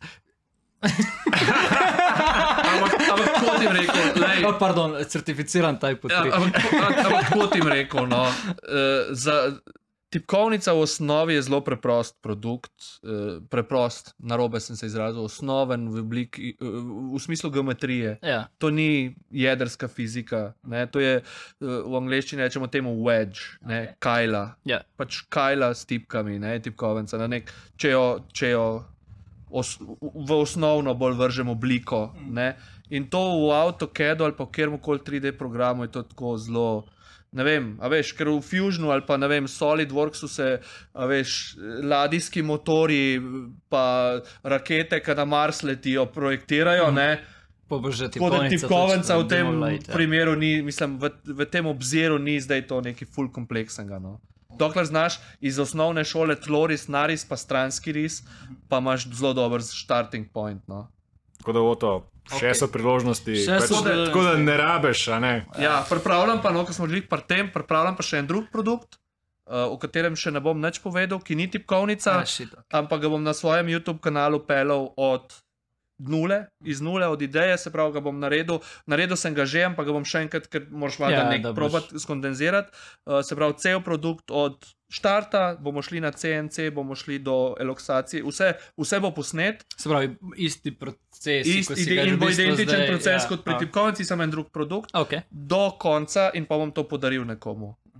In bo tak zelo produkt, ki ga imamo vsi doma. Odlično. V Ja. angleščini, v slovenščini. Študiram še. V angleščini. A? Ja, bom videl. Mislim, govorim angliško, ampak bom videl še. No. Zdaj le delam build guide za mono Ja, ja. ja, v angleščini in bom predvsem videl, kak bo, um, kako rekel, odziv Aha. ljudi, pa koliko bo subscriberjev, pa tako, kakšne bojo metrike, pa se bom odločil. Ampak ja, zna se zgoditi, da bo v angleščini. Ampak da bo res iz štarta in da res ljudje vidijo, kako je tak produkt narediti, kakšen je miselni proces, eh, kdo so mojstri, kakšni so stroji. na- Tako, res bi rad vse pokazal. Se pravi, tudi kako se barva nanaša, relaksacija, kako CNC deluje. Okay. Tako, rad bi mogoče celo navdahnil neko generacijo makerjev mal. Mhm. A veš, ker pri nas tega manjka in sem si mislil, da to je to tudi ena od motivacij za YouTube kanal. Ne? Ja. Da lahko pokažeš, da, da se da, da, ne vem, da je rado, radovednost, da gremo raziskovati. Veš, tako, ne vem, vedno mi je bilo blizu eh, mlajšim generacijam razlagati. Sem, ful sem užival, recimo, ali pa tudi ne vem, v šolo so me enkrat povabili, gor, ne, da sem šel, ker sem jih računalnik mulcem sestavljen, sem šel v šolo ga v pričo razreda kot nek krožek sestaviti. In so uživali, jaz pa tudi ful. Ne? In se mi zdi, da tega znanja, oziroma predvsem deljenja tega Mm, mm, mm. znanja. A veš, lej, skoro 40 let bom star, se mi zdi, da sem pa nekaj že znanja pa akumuliral v teh 40 letih in si želim to naprej predati. A veš. Tako da, Bele, bele tle, a pa zaznavaš, da vse, rečemo, te mlajše generacije ali pa ne vem, tvoji otroci, im- imajo to željo to slišati, ali je spet uno, nas zanima sam končen produkt. A Veš, prehiter, ja, razumem. prehiter je samo uno, ja, dej, dej, Ja, ja, ni instant gratification. tako je. Ja. Ja. Jaz mislim, da je to naša naloga, jih navdahniti, da jih bo zanimalo. Ful, ni nujno, da vratal, da se razumemo, Eh, ful ni nujno, da bo vratal, ampak jaz mislim, da je to naša naloga. Ker zato, da je ta instant gratification, smo sami krivi, Mm. če me vprašaš. Zaradi tega, ker je tudi zate ali pa zame lažje. Otrok ti tam neki žnara, ti imaš misli nek druge, daš mu telefon, tle imaš Ja. spelce. Ja. Ne? Ja. Ja. Jaz sem kriv. In če bom jaz otroku predstavil nekaj, pa bo mene videl, kako se jaz nad nečem navdušen, ne da se ni nujno, da imamo iste hobije, ampak moja vloga kot starša, kot učitelja za life za otroka svojega, je naloga, da ga navdušim. In mislim, da se da. Če, se bo, če bomo mi tako njim prikazali skozi nek magik, skozi nek, a veš, uno, da so in o, ne vem kako bi temu. Ne? Tudi vidiš, recimo, kje učitelje imajo otroci radi. Tiste, ki jim spodbudijo, ki, Ja. ki interaktivno, ki norca iz sebe naredijo, ki niso neka težka avtoriteta, ampak eh, kolegi, motivatorji. Veš, tega, pardon, tega nam ful manjka. No? V, v šolah nasploh. Jaz sem sicer hotel vprašati, eh, če dela za Mac, pa za Linux, pa Windows, ampak Dela. to, to je tudi. Dela. To je tudi na dela. Mislim, Čeprav da se tipka na njo, a ne. Ja. Uh, Daj mi, bom še vzel par tev iz, iz tega sklopa. Dej. Prototipiranje. Ja. Um, okay, v Arhikedu, v, pardon, v, v, v Fusionu pa si izdelal 3D model, Ja. a si potem ne vem, 3D printo, ali Ne. Torej, kako si prišel do te oblike, ki jo imaš zdaj, a si, ja, dej, okay, a si kar rekel, "Puf, to bo. In, Ok. Um, lej, kot sem že rekel, skoraj 40 let bom star in če lahko nekako sem. Pri 40 že imaš malo samo refleksije, se pravi, si, v čem si dober in kaj ti fali. In zase, fali mi ogromno, da ne bo pomote, ampak dober sem v dveh stvareh. Akumulaciji znanja, se pravi, naučiti se nove stvari je meni ful preprosto. Če me zanima stvar, če me ne zanima, pol fu- fuck no. Uh, in druga je to, da se znam obkrožati z bolj sposobnimi ljudmi od mene, ali pa da je reč takimi, ki me dopolnjujejo. Se sliši romantično, ampak do zdaj mi je še zmeraj ratal, na srečo. Se pravi, ko sem rabu nekoga, sem vedel, koga poklicati. Ki bo poznal nekoga, ki pozna nekoga drugega, ki mi lahko nekoga tretjega priporoči, da sem prišel do tega, č- do tega človeka. Mm. In, in recimo, čist konkretno, prototipe nis, sem delal direktno na CNC-ju. Mhm. Ampak sem preklical par firm in vsi so mi dali take predračune, da je glava bolela, ker se jim ni dalo ukvarjati. z- Jaz sem en Tomaš iz Prekmurja, Niko in ništa v tem poslu in pač jih razumem, jih ne obsojam. Ne? Oni delajo pa 100 tisoč kosov ja. za nek Audi, recimo, zmišljujem si, ne? Ja. in valjda vse mu je zate. Ne? No, potem je pa tako, no. bili smo na morju en let in so se naši mulci z enimi drugimi mulci igrali tam na morju. In pa so se spoprijateljili, in one thing led to another, in pa so se še starši spoprijateljili. In izkazalo se je, da je oče teh punc, ki smo se spoznali, je potnik za eno firmo, večjo slovensko, ki uh, stroje pa urodja prodaja. No? In jaz sem tega človeka, ko sem, se, ko sem jaz na točki, da rabim prototip izdelati, sem jaz tega človeka poslu, po, poslušal, eh, poklical, sem rekel: Poslušaj, uh, poznaš koga, ki ima CNC, pa je tako dostopen, da ni full velik, da te ne boš merilo. Je rekel: Ja, poznam. No, in me je povezal z Boštjanom, ki je danes moj kolega, dober iz, iz, iz Sevnice. Ki mi je zastoj naredil prototipe, mislim, tega ne vidiš danes, tega, to je tako redkost. Ne? Ampak in potem sem rabo, ne vem, elokserja, In je Boštjan, se pravi, takim je SCNC-jem dela mašine, rekel: Ja, jaz sem enega prav, ne boš verjel, dela za Porsche, dela za Audi, dela za tako kaliber svetovnega formata, kar se tiče loksacije. Akcija nima veze, kako šta, le tle ne bomo brezkompromisno tipkovnico delamo, me sploh ne zanima. Bomo, že, bomo že, ne, cena je bila ta zadnja on my mind. Uh, se pravi, zaradi prodaje prejšnje firme sem si lahko tudi uh, prvo šel, ne vem, kaj še evro več investirati, ne, da vidimo, kakšni so rezultati. Uh, edina stvar, ki ni šla čez, pa nas je bilo tiskano vezje, no to sem dal na Kitajsko delati, ker pa nas je bilo tako absolutno odaruške cene, s tem, da je bilo še tako, recimo v Sloveniji. Isti, man... isti, isti problem, da pač si premali? Ali... Ne, ne, ne, ne, preveč se cenijo. Ne, ne da zdaj reči preveč cenijo, ker ima tu novo, še eno vprašanje. okay. ne, ne, nimajo, recimo, ne da se. Ne. To mi, recimo, ta konkretna firma, za katero se nisem odločil, bila štirikrat dražja, pa rekli so mi, ne da se. Za nekaj, kar, se, kar vem, da se da, sam pač oni nimajo, uh, ne da se pri njih. Pa, to je pa meni, recimo, fraza, ki jo pa jaz ful ne maram slišati, ne da se. Ta fraza velikokrat pride še preden je nekdo sploh neki probo. Ne da se tisti obrambni mehanizem. In jaz, I don't buy it. Ne. Zato tudi take potencijalne poslovne partnerje zelo hitro, ne vem, tudi za geske te noter, se pravi, tesnila, ki so v tipkovnici. Ne. Sem imel v Sloveniji enega, ki je bil 10% cene, ampak dobro, tesnila govoriva, uložiš 5 evrov ali pa 15, ne, yeah. Ja. zdaj ni, veš, yeah. Ja. ne govorim o to v nekih full velikih narih, ne, ampak je rekel, da je tole, da je noter, se bo v redu. Ne. Če sem ti jaz pristopil, da delam no compromise tipkovnico, ki, bo, ki mi ne bo nobeno čitati iz vidika materijalov, da ni fucking perfect, ne ti meni, vse bo dober. Veš, kaj, kaj, kaj, kaj, kot si ne mi grejo po koncu, ki mi nekdo to reče, ni dober, ali je najboljši, ali pa pojmo domov, pa na pico. A veš. Um. In v tem času, glede, glede, glede, to danes ima, da bo dobro, ne? Če ja, ne, to je, danes ne bomo naredili dobro. Um, shit, ne vem. Ja, packaging, marketing, prodaja. Ok, packaging. ja. Tega nisem eh, na YouTubu omenil. Ja. Packaging, hotel sem imeti. Le kak je. Ja, dobro, ta je mazana, ki je full porok. Ljudje ne, vid ne vidijo, ampak vse slike ja. bomo dali. Ja, ja. Uh, uh, zdaj pa kavca.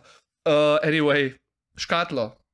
No, prišel sem do človeka, ki jo je oblikoval. Ta isti človek je oblikoval škatlo eh, oziroma embalažo za britansko kraljico, ki je bila v Sloveniji. Ne? Se pravi, više ne gre nekoga. Mislim, a mi lahko nekdo pove, kaj greš više, ne gre. Ne? Mislim, da bi šlo. Yeah. Ja. Hočem ti povedati, spet sem šel do najdo človeka, ki je vrhunski. Če so ga izbrali ali pa najeli za to, da je za kraljico darilo oblikoval, ve, ve kva dela. Isto vezje, recimo, ali jaš. Škoda, da, niste, da, da je kraljica se poslovila od nas, ker res mislim, da bi tole bilo. Za njo tudi dober daril, ne? Tole, mislim, verjetno lahko je od angliški naštimaš, ampak. Ja. bilo, bilo. Ne? Ali pa ja. recimo se pravi, dizajner vezja. Ja. Dizajner, dizajner vezja. E, to bom dodal, vezje kot tako. Tiskano vezje. Je freaking art. Ja, ja, no. In njega se tudi, najdel sem ga na Instagramu of all the places, ampak sem vedel, da deluje, zdaj ne dela več tam za ASML. ASML razvija procesore, ASML izdela procesore za AMD, za Intel, za, ne, ne procesore, zelo stroje, ki delajo te procesore, ja, ja. delajo jih pol na Tajvanu, ampak stroji so izdelani na, na nizozemskem. Ali jaš je delo par njih? Se pravi, moraš biti visoko sposoben človek, da te sploh najamejo, ker tak stroj, recimo te, ki jih ASML dela, ta stroj ima sedemletno. Uh, da dela v eno, brez da ga izklopijo, mora v eno delati sedem let, veš, take requirements imajo. Se pravi, ampak se pravi, delno je tu sreča, delno sem pa namenoma pol v to uh, silem v take, silem, že malo tečnaren, da se naredijo kakšne stvari, sem da se me. ne, po pravici povedano, no, imam kar ponavadi dolgoročne odnose s takimi ljudmi, ker lej, uh, moj skill set je pa pač to, pr pripeljati skupaj idejo no, in jo v, en, v, en, ne, v eno celoto zapakirati. Marketing. To, Ja. kar delaš tukaj, Ja. je odličen marketing, uh, kar delaš na YouTubu, je odličen marketing. A bo to dovolj, da boš prišel do ljudi, ki rabijo to tipkovnico? Lej, that's the million dollar question. Ne vem, mislim, pro, ja, to, je, to je največje, to je, to je tisto, zaradi česar trenutno ne spim. Je, če, če bo to, Kako si pa prišel do tistih ljudi, ki so ti prodali onih 12 setov, koliko imaš doma? po teh forumih, ki jih jaz nameravam napadati, isto, na isti način, s tem, da recimo subreddit, ta Mechanical Keyboards, no, tle bo prvi tisti večji launch, ko bom ready. Eh, Zdaj le me mečken časovno, mi je malo časa zmanjkalo, sem pred prazniki, zdaj sem pa že tu pozen, da že razmišljam, če bi mečken odložil za kak teden, recimo, ali, pa, ali med prazniki, ali pa, tak, ali pa celo z januarjem začeti, pa si zdaj le malo bolj na izi vzeti. Uh, bom še videl, nis, ni, ta odločitev še ni sprejeta, no, ampak ja, imaš, ne vem, imaš se pravi ta subreddit, pa imaš pa GeekHack, to je en forum. Pa imaš pa še cel kup Discord serverjev za različne brende teh mechanical keyboardov, pa keyset makerjev, pa dizajnerjev, pa fulje. Ne? Se pravi, sem, lej, Najditi moraš ta Na- tribe. ne, ja, najdi, najdi ni treba, vem, kje so. Veš, kje so. Ampak pokazati, da vem, kaj delam. na ustreznem nivoju Ja. moraš jim Ja, predstaviti. ja. zadevo. To- Pa to- predstavljaj pa uno, lej, ne, da bojo bajali, ne tip konca, ampak imajo zgodbo, ker zgodbe so tiste, ki prodajo. Um, ta question. Zakaj, verjetno imaš odgovor, a ne? Ja. Zakaj pač tako stvar ni šel delati prek nekega crowdfundinga? Zaradi, ja, enost, tukaj je pa ful, to je ful pogosto vprašanje, ki ga dobivam. Odgovor je pa ful enostaven v resnici. Verjamem, vse zato pač. ja, uh, zaradi logist, globalnih logističnih težav trenutno je enostavno pretežko um, obljubo držati. Se pravi, ti, ko greš na crowdfunding, v resnici obljubiš nekaj. Ne? Obljubiš nek produkt, neke kvalitete nekim ljudem. In če ti nisi sposoben tega speljati, ti kredibilnost pada. Dlje kot traja, manj imaš kredibilnosti. In zdaj le si jaz enostavno ne bi upal Mhm. reči to. Lej, tipkovnica bi bila lahko 30% cenejša, če bi jaz to vse outsourcal na, na Kitajsko. 30% bi bilo dol, recimo. Potem pa nimam nobenega nadzora nad kvaliteto, če ne bi bil jih tam, ne? pa bojo leksirane slabo, pa bojo popraskane, pa bo uno, pa pride z ladjo sem, recimo, ali pa z letalom in jih moram nazaj poslati, pa spet en mesec, s tem, da oni lahko mi disputajo, pa rečejo, ne, ni to se je vmes na shippingu naredil, pa tako, nimam nadzora. Se pravi, da bi jaz svoje ime dal za obljubo, pa pol ne izpolnil, bi me to enostavno razžrlo na ven in na noter. Prav čista quality reasons. Quality reason. Če želim prodajati najboljšo iz vidika materijalov, najboljšo tipkovnico, bom tle zraven, da bom videl, da je res najboljša, pa da bomo sproti reševali vsako težavo. Pa, pa s tem tudi ne eksploitali sistema, s katerim pa, ampak to je že mogoče za drug podcast, eh, čist ne strinjam, da vse outsourcamo, zato da ne živimo, ker nas zdaj pa to full tepe. Ker, To pomeni, to pomeni, da se zdaj v tej prvi fazi ti ročno skrb zložiš Ja. Ja, tako. In, in vsaka stvar gre čez moje Ja. oči in roke. Ja. Ja. Ampak se ima cel kup otrok, da mu pomagajo. Ne? Ta prva serija se jo ne dotika nihče. Ne? ne to, Aha. ta prva serija gre jaz, da je res. A pa dobro, no eno diaško delo bi pa lahko. Ne grejo na črpalko, šipe, pucati ali pa neki. Uh, ne, bom le z veseljem bi, ampak ni, uh, prvo bi res uno, res. Tudi, da jaz najdem en ritem, ne, ne morem jaz, ker nimam izkušenj nekomu navodil, da pol. Kako, če jaz ne vem kako. Se pravi, ta prva serija je ena taka tudi zelo, zelo dobra uh, za učenje in to bom jaz čez, drav, čez roke. Zdaj, odlično. Uh, jaz bom zdaj poskušal to našo zadevo pripeljati nekako v, v, v konec. ne.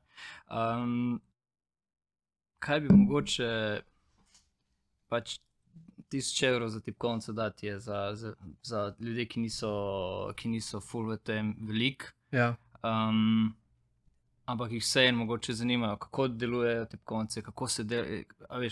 Želijo mogoče vstopiti v stik s tem. Ja. Um, vem, na job intervjuju sem imel človeka, ki je dve svoje tipkovnice naredil in je bil ultra ponosen in lahko govoril ure o tistih tipkovnicah.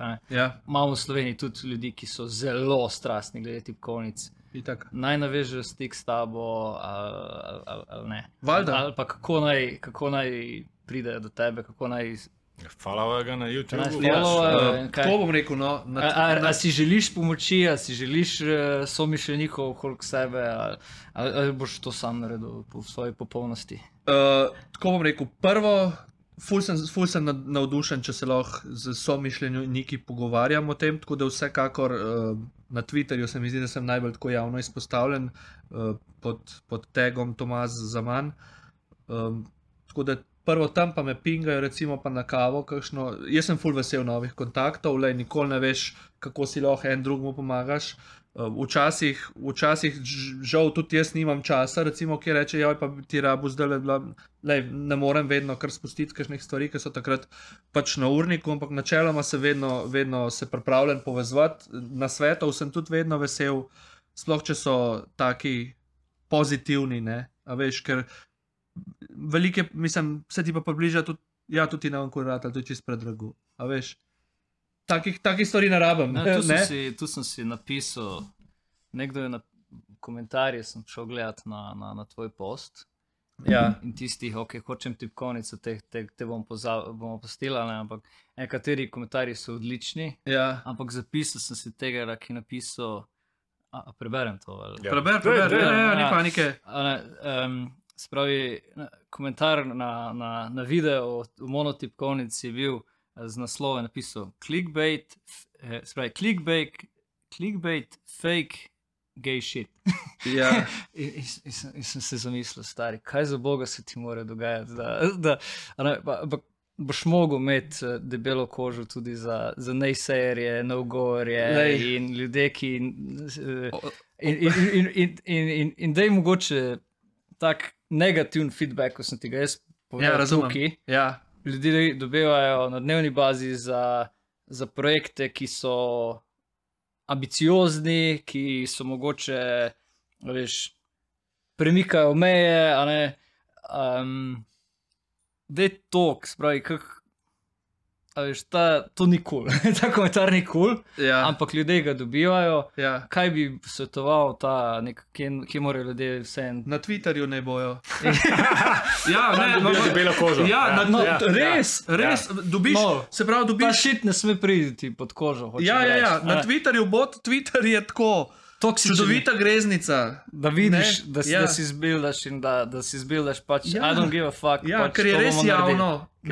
In ja. ja. jaz obožujem Twitter, jaz sem ogromno ljudi spoznal prek Twitterja. Jaz sem bil danes, evo, preden sem se sem pripeljal, sem bil na kosilu z nekom, ki sem ga prvič videl. Ampak imamo, v Twitterju si deliva ta mehurček in imamo ful istih pogledov, eh, tako bom rekel, podjetniško dušo.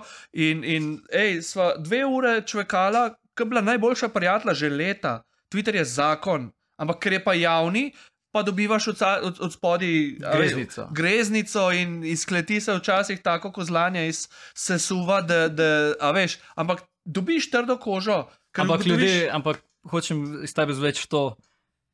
Ne si pusti, da, vas, da vam ti komentarji ljudi s skritimi za imeni pridejo do živega. To niso vaše stranke, Ja, nepomembni so za uspeh tako. tega produkta in ne dovoli, da vam to pride nekako do živega. Ne? Ja, ja. ja res je. Moraš to- to tako imeti. a ne. Ja, ja. Mislim, Komentarji so bili odlični, ampak Nekaj- eni taki sej- so bili. sej- pa- a veš, Ne, so sej verje- toksik, Verjetno ja. verjeten je pač isto, pač, ne vem, glede na to, da pač YouTube ti lahko pač komentirajo. Ne? Pač ista zadeva, ne? verjetno si pač tega ne smeš pač imeti. Ja. Tam boš pač imel neke trole, ki, a ne, tale komentar a ne, je tako off-topic. a ne, Kad bi rekel, gledaj, nikje bom spustil nek komentar, pa video sploh videl nisem. a ne. Ja, ja. Ja. Ma ne, lej, se, na, se pravim, dovolj časa sem že na, in na svetu, in na očeh takšne in drugačne javnosti, da, da me take stvari ne ganejo. Včasih pa me kakšna stvar gane v plus, mogoče. Ne? En je napisal, sicer tako, pod en YouTube video je napisal, kako pa govoriš vejca, kot vejca, robot, pa še ni. Tako, to, Ampak ni me hotel prcati s tem. Videl se je, da, da, da pač ni znal lepo formirati stavka. Ampak hotel pa poudariti, da govorim kot robot, kar je pa res. Imam pa res, recimo, uh, začeti YouTube kanal ni enostavno. Ne? Vsi mislijo, da prežgeš kamero, to, je, to ni. Jaz za 15 minut videa snemam uro pa pol, ker imam tremo, pa, pa se feclam vmes, pa grem še en take, pa še en take. Intro naredim 20 takeov včasih, za en in isti intro mine 20 minut, mm. zato da je 5 sekund videa, da, da temu se reče huk, ne, da ga prvabe ja, človeka ja. noter. Ne. Jeba je in pol, vem, probaš, a veš, pa, pa ne vem, bi govoril, ker, a veš, Litjan, prekmorc, Ljubljančan, pravilno slovnično, veš, in te vse, stu tavžen stvari, pa kva si ljudje miselni, čeprav sem se navadil to dati na stran, ampak vseeno, malo te pa žre, no, noben ni imun na judgment eh, okolice in družbe. Uh, tako da, ampak, lej, s časoma mislim, da bo če dalje bolj. Eno, eno vprašanje bom, pa, pa bi pol nekako s tem zaključili. Um, ko si bil v Codable, tehnični direktor, si bil tudi gost v, na WordPress konferenci, mislim, da je bila na Dunaju. Uh mhm. -huh kjer si bil oblečen v, Spider, v, pardon, v Supermana. Ja. In si prišel na to konferenco, mislim, da to je ena večjih konferenc za, za to tehnologijo v Evropi. Ja. In si prišel na oder in si govoril, zdaj ti sam povedal. Ja. Ampak tam je bilo 1300 ljudi ja. in ta video je zdaj na voljo. In mislim, da je ne, tudi malo 2000-3000 ogledov. Se pravi, ja. po 3000-4000 ljudi je videlo ta tvoj kontent. Pa bi te prosil, če mogoče poveš, v čem se je tista zadeva šla. Ja. Ker se mi zdi, da bi mogli slovenci več tega slišati, kar si tam govoril. Govoril si o, o tem, da se premalo cenimo. Tako. Govoril si o tem, zakaj se premalo cenimo. Vem, da je full nefer, da ti zdaj na koncu postavim to vprašanje, ampak se mi zdi, da, da je tudi ena tako zelo močna lekcija o tem. Pa bi sam prosil, da mogoče še to ponoviš, pa položiš v srce našim poslušalcem. Ja, mislim, da je, Slovenci imamo en, eno veliko težavo. Jaz opažam, tudi sam jo imam v končni fazi, ali pa sem jo imel. In sicer je to ta neka vzgoja naših staršev, pa starih staršev, kjer so jih vedno tokal po glavu, kao mej sklonjeno glavo, pa v boge, kar ti master naloži delo ali kar ti veleva nek overlord. Ne? In v tem so naši stari starši gor. Mi smo bili vedno skozi zgodovino hlapci. Ja. In se mi zdi, da je to še zmeraj imajo slovenci fulu krvi. In mi je to, ne moreš se čist tega znebiti. Tudi jaz vam priznam, da imam tudi to včasih, si misliš, da bi rabu enega liderja eksternega. Ne? Ampak se mi zdi, da s časoma sem se naučil. Uh, nekako čez cent, če sem hotel preživeti, sploh cent svoj čas, svoje znanje. In v Sloveniji imamo toliko enega kvalitetnega kadra, kvalitetnih ljudi, znanja. Ker so, ker res mislim, da je vaš podcast, se mi zdi, še, še uh, pa ne govorim zase, za druge goste, uh, ne, da, posve, da, posne, da imamo svetu kaj ponuditi. Ne, ampak attitude je pa tisti, da do tega ne pride včasih. Ne? In jaz sem želel to globalno, ko sem predaval to na Dunaju, tej množici, sem govoril iz svojih izkušenj. Ne? Jaz sem se prodajal za znanje, ki sem ga imel, ful prepocen. Pa sem pa podvojil svojo ceno, pa podvojil še enkrat, pa bil ful drag, pa sem imel kar naenkrat več časa, bolj kvalitetne stranke, bolj hvaležne stranke, bolj spočit sem bil, bolj več časa za učenje, za družino, za hobije, za whatever, pa še več denarja v, v tošenu. Ne? Se pravi, ta diskonekt je, se mi zdi, se pravi, pri slovencih še toliko bolj, ampak to je tudi tako posod po svetu, se mi zdi, uh, mogoče ta zahodna, zahodni svet, recimo Amerika, je še najbolj tisto. Ne, you can be anything, pa ta American mm. Dream prodajajo. In, pri njih je pa kontra, ne, pri njih pa ljudje se mi zdi preveč kupujejo to. Ne. Se pravi, mogo bi jih en miks, naš evropska zadržanost ali pa ta modesti, če rečem, ne, pa njihov ameriški. Over uh, mm. abundance of everything, ne? nekako na polovici se srečati, pa bi v boji, ful na boljšem v končni fazi. Ne? Tako da jaz, se pravi, če, če izviram čist iz tipkovnice, jaz jo nisem sam naredil. Jaz nimam doma enega stroja, jaz imam samo svoje roke, pa svojo glavo, to, da, da je taka, kak je, da je za moj okus popolna, se rabo najst ljudi in se jih najdu v Sloveniji in jih imamo. Sam se pravim, marketing, problemajo z marketingom, se pravi, vsi mi radi, in tega sem tudi sam še bolj kriv v končni fazi, da ful imamo ono, RD, RD, se pravi, razvijati za kvake lušten, ne, vsak ima rad en svoj secret lair, pa laboratory inside, ne, pa mal tinkarat stvari, pa neki šraufat, ne, boh var pa povedati sosedu, ne, a veš, ali Ne, pa sej, jaz, jaz bi te dopolnil, ne povedati še, ne, bolj je ta, to, kar si ti uspešno zdaj naredil, to sinergijo narediti. ja, Ker pač nismo vsi vsem dobri. ja, Ja. Imamo pa nekoga, ki je, ne, pa z, da bi se pač, veš, ta sinergija se združila, pa pač enostavno tako. A Ne, to, kar smo v bistvu tudi že v paštih epizodah nazaj videli, da pač nam slovenci pač manjka, da pa se pač pojavijo te vrtički, ne, Ja, vsak ja. v bistvu na svojem vrtičku, ne, in pa se v bistvu med sabo pač um, primerjamo in je to to. Ta, in, in tega dan, danci ne razumejo. Se pravi, jaz sem imel firmo na Danskem, sem imel ogromno gor, kulturo spoznal, tudi Per, se pravi, moj uh, partner je bil v Sloveniji velik in ni mogel tega razumeti. Njim je to nekaj naravno, sosed se trudi. Šel bom trikrat na dan, če bo treba, do njega, kako ti lahko pomagam, da ti rata. To je pri njih, to je pri njih v DNA-ju. Ali pa davke plačevati. Recimo, ker sem mu povedal, da smo pač balkanska država in da se davki optimizirajo, in ne vem, kaj vse. On to ni razumel. Ne mu to ni šlo sploh čez kalkulator, skregala sva se, kako ste lahko taki. Davke moraš, davke moraš na smeškom plačevati. Reče Danski ima davke više kot Slovenci in, in to zelo više. Ne? Reče davke moraš, ne, ampak se pravi, ker ni vedel, ni vedel cele slike. In jaz tukaj sem, tu me kar žalosti na nek način. Jaz imam težave včasih z, z, z okolice, da tako rečem. Ne? Rajši polena pod noge, kot Ja, se, ja, ja. a veš, ali pa obrekovati. Zdaj pa na vas je pa tega še toliko več, veš, ker vsi mislijo, da vse poznajo. Ne? Ampak jaz mislim, da v Slovencih je full potencijala za svet premikati in tudi ga. Sam noben, ne bo- nobenemu ne povemo, da ne bojo kaj rekli slučajno. Pa pa noben ne ve. In tle se morajo zadeve mal s časom, upam. Okay. Upam, da bo kdo slišal, da bomo kaj več sodelovali. Ja. To Um, zdaj s takim monotonim glasom povedal. Ne, nobenega tega, um, ja. tega, te, te, tega Upam, da bomo sodelovali. Lej, um, lahko tako zaključim. Če,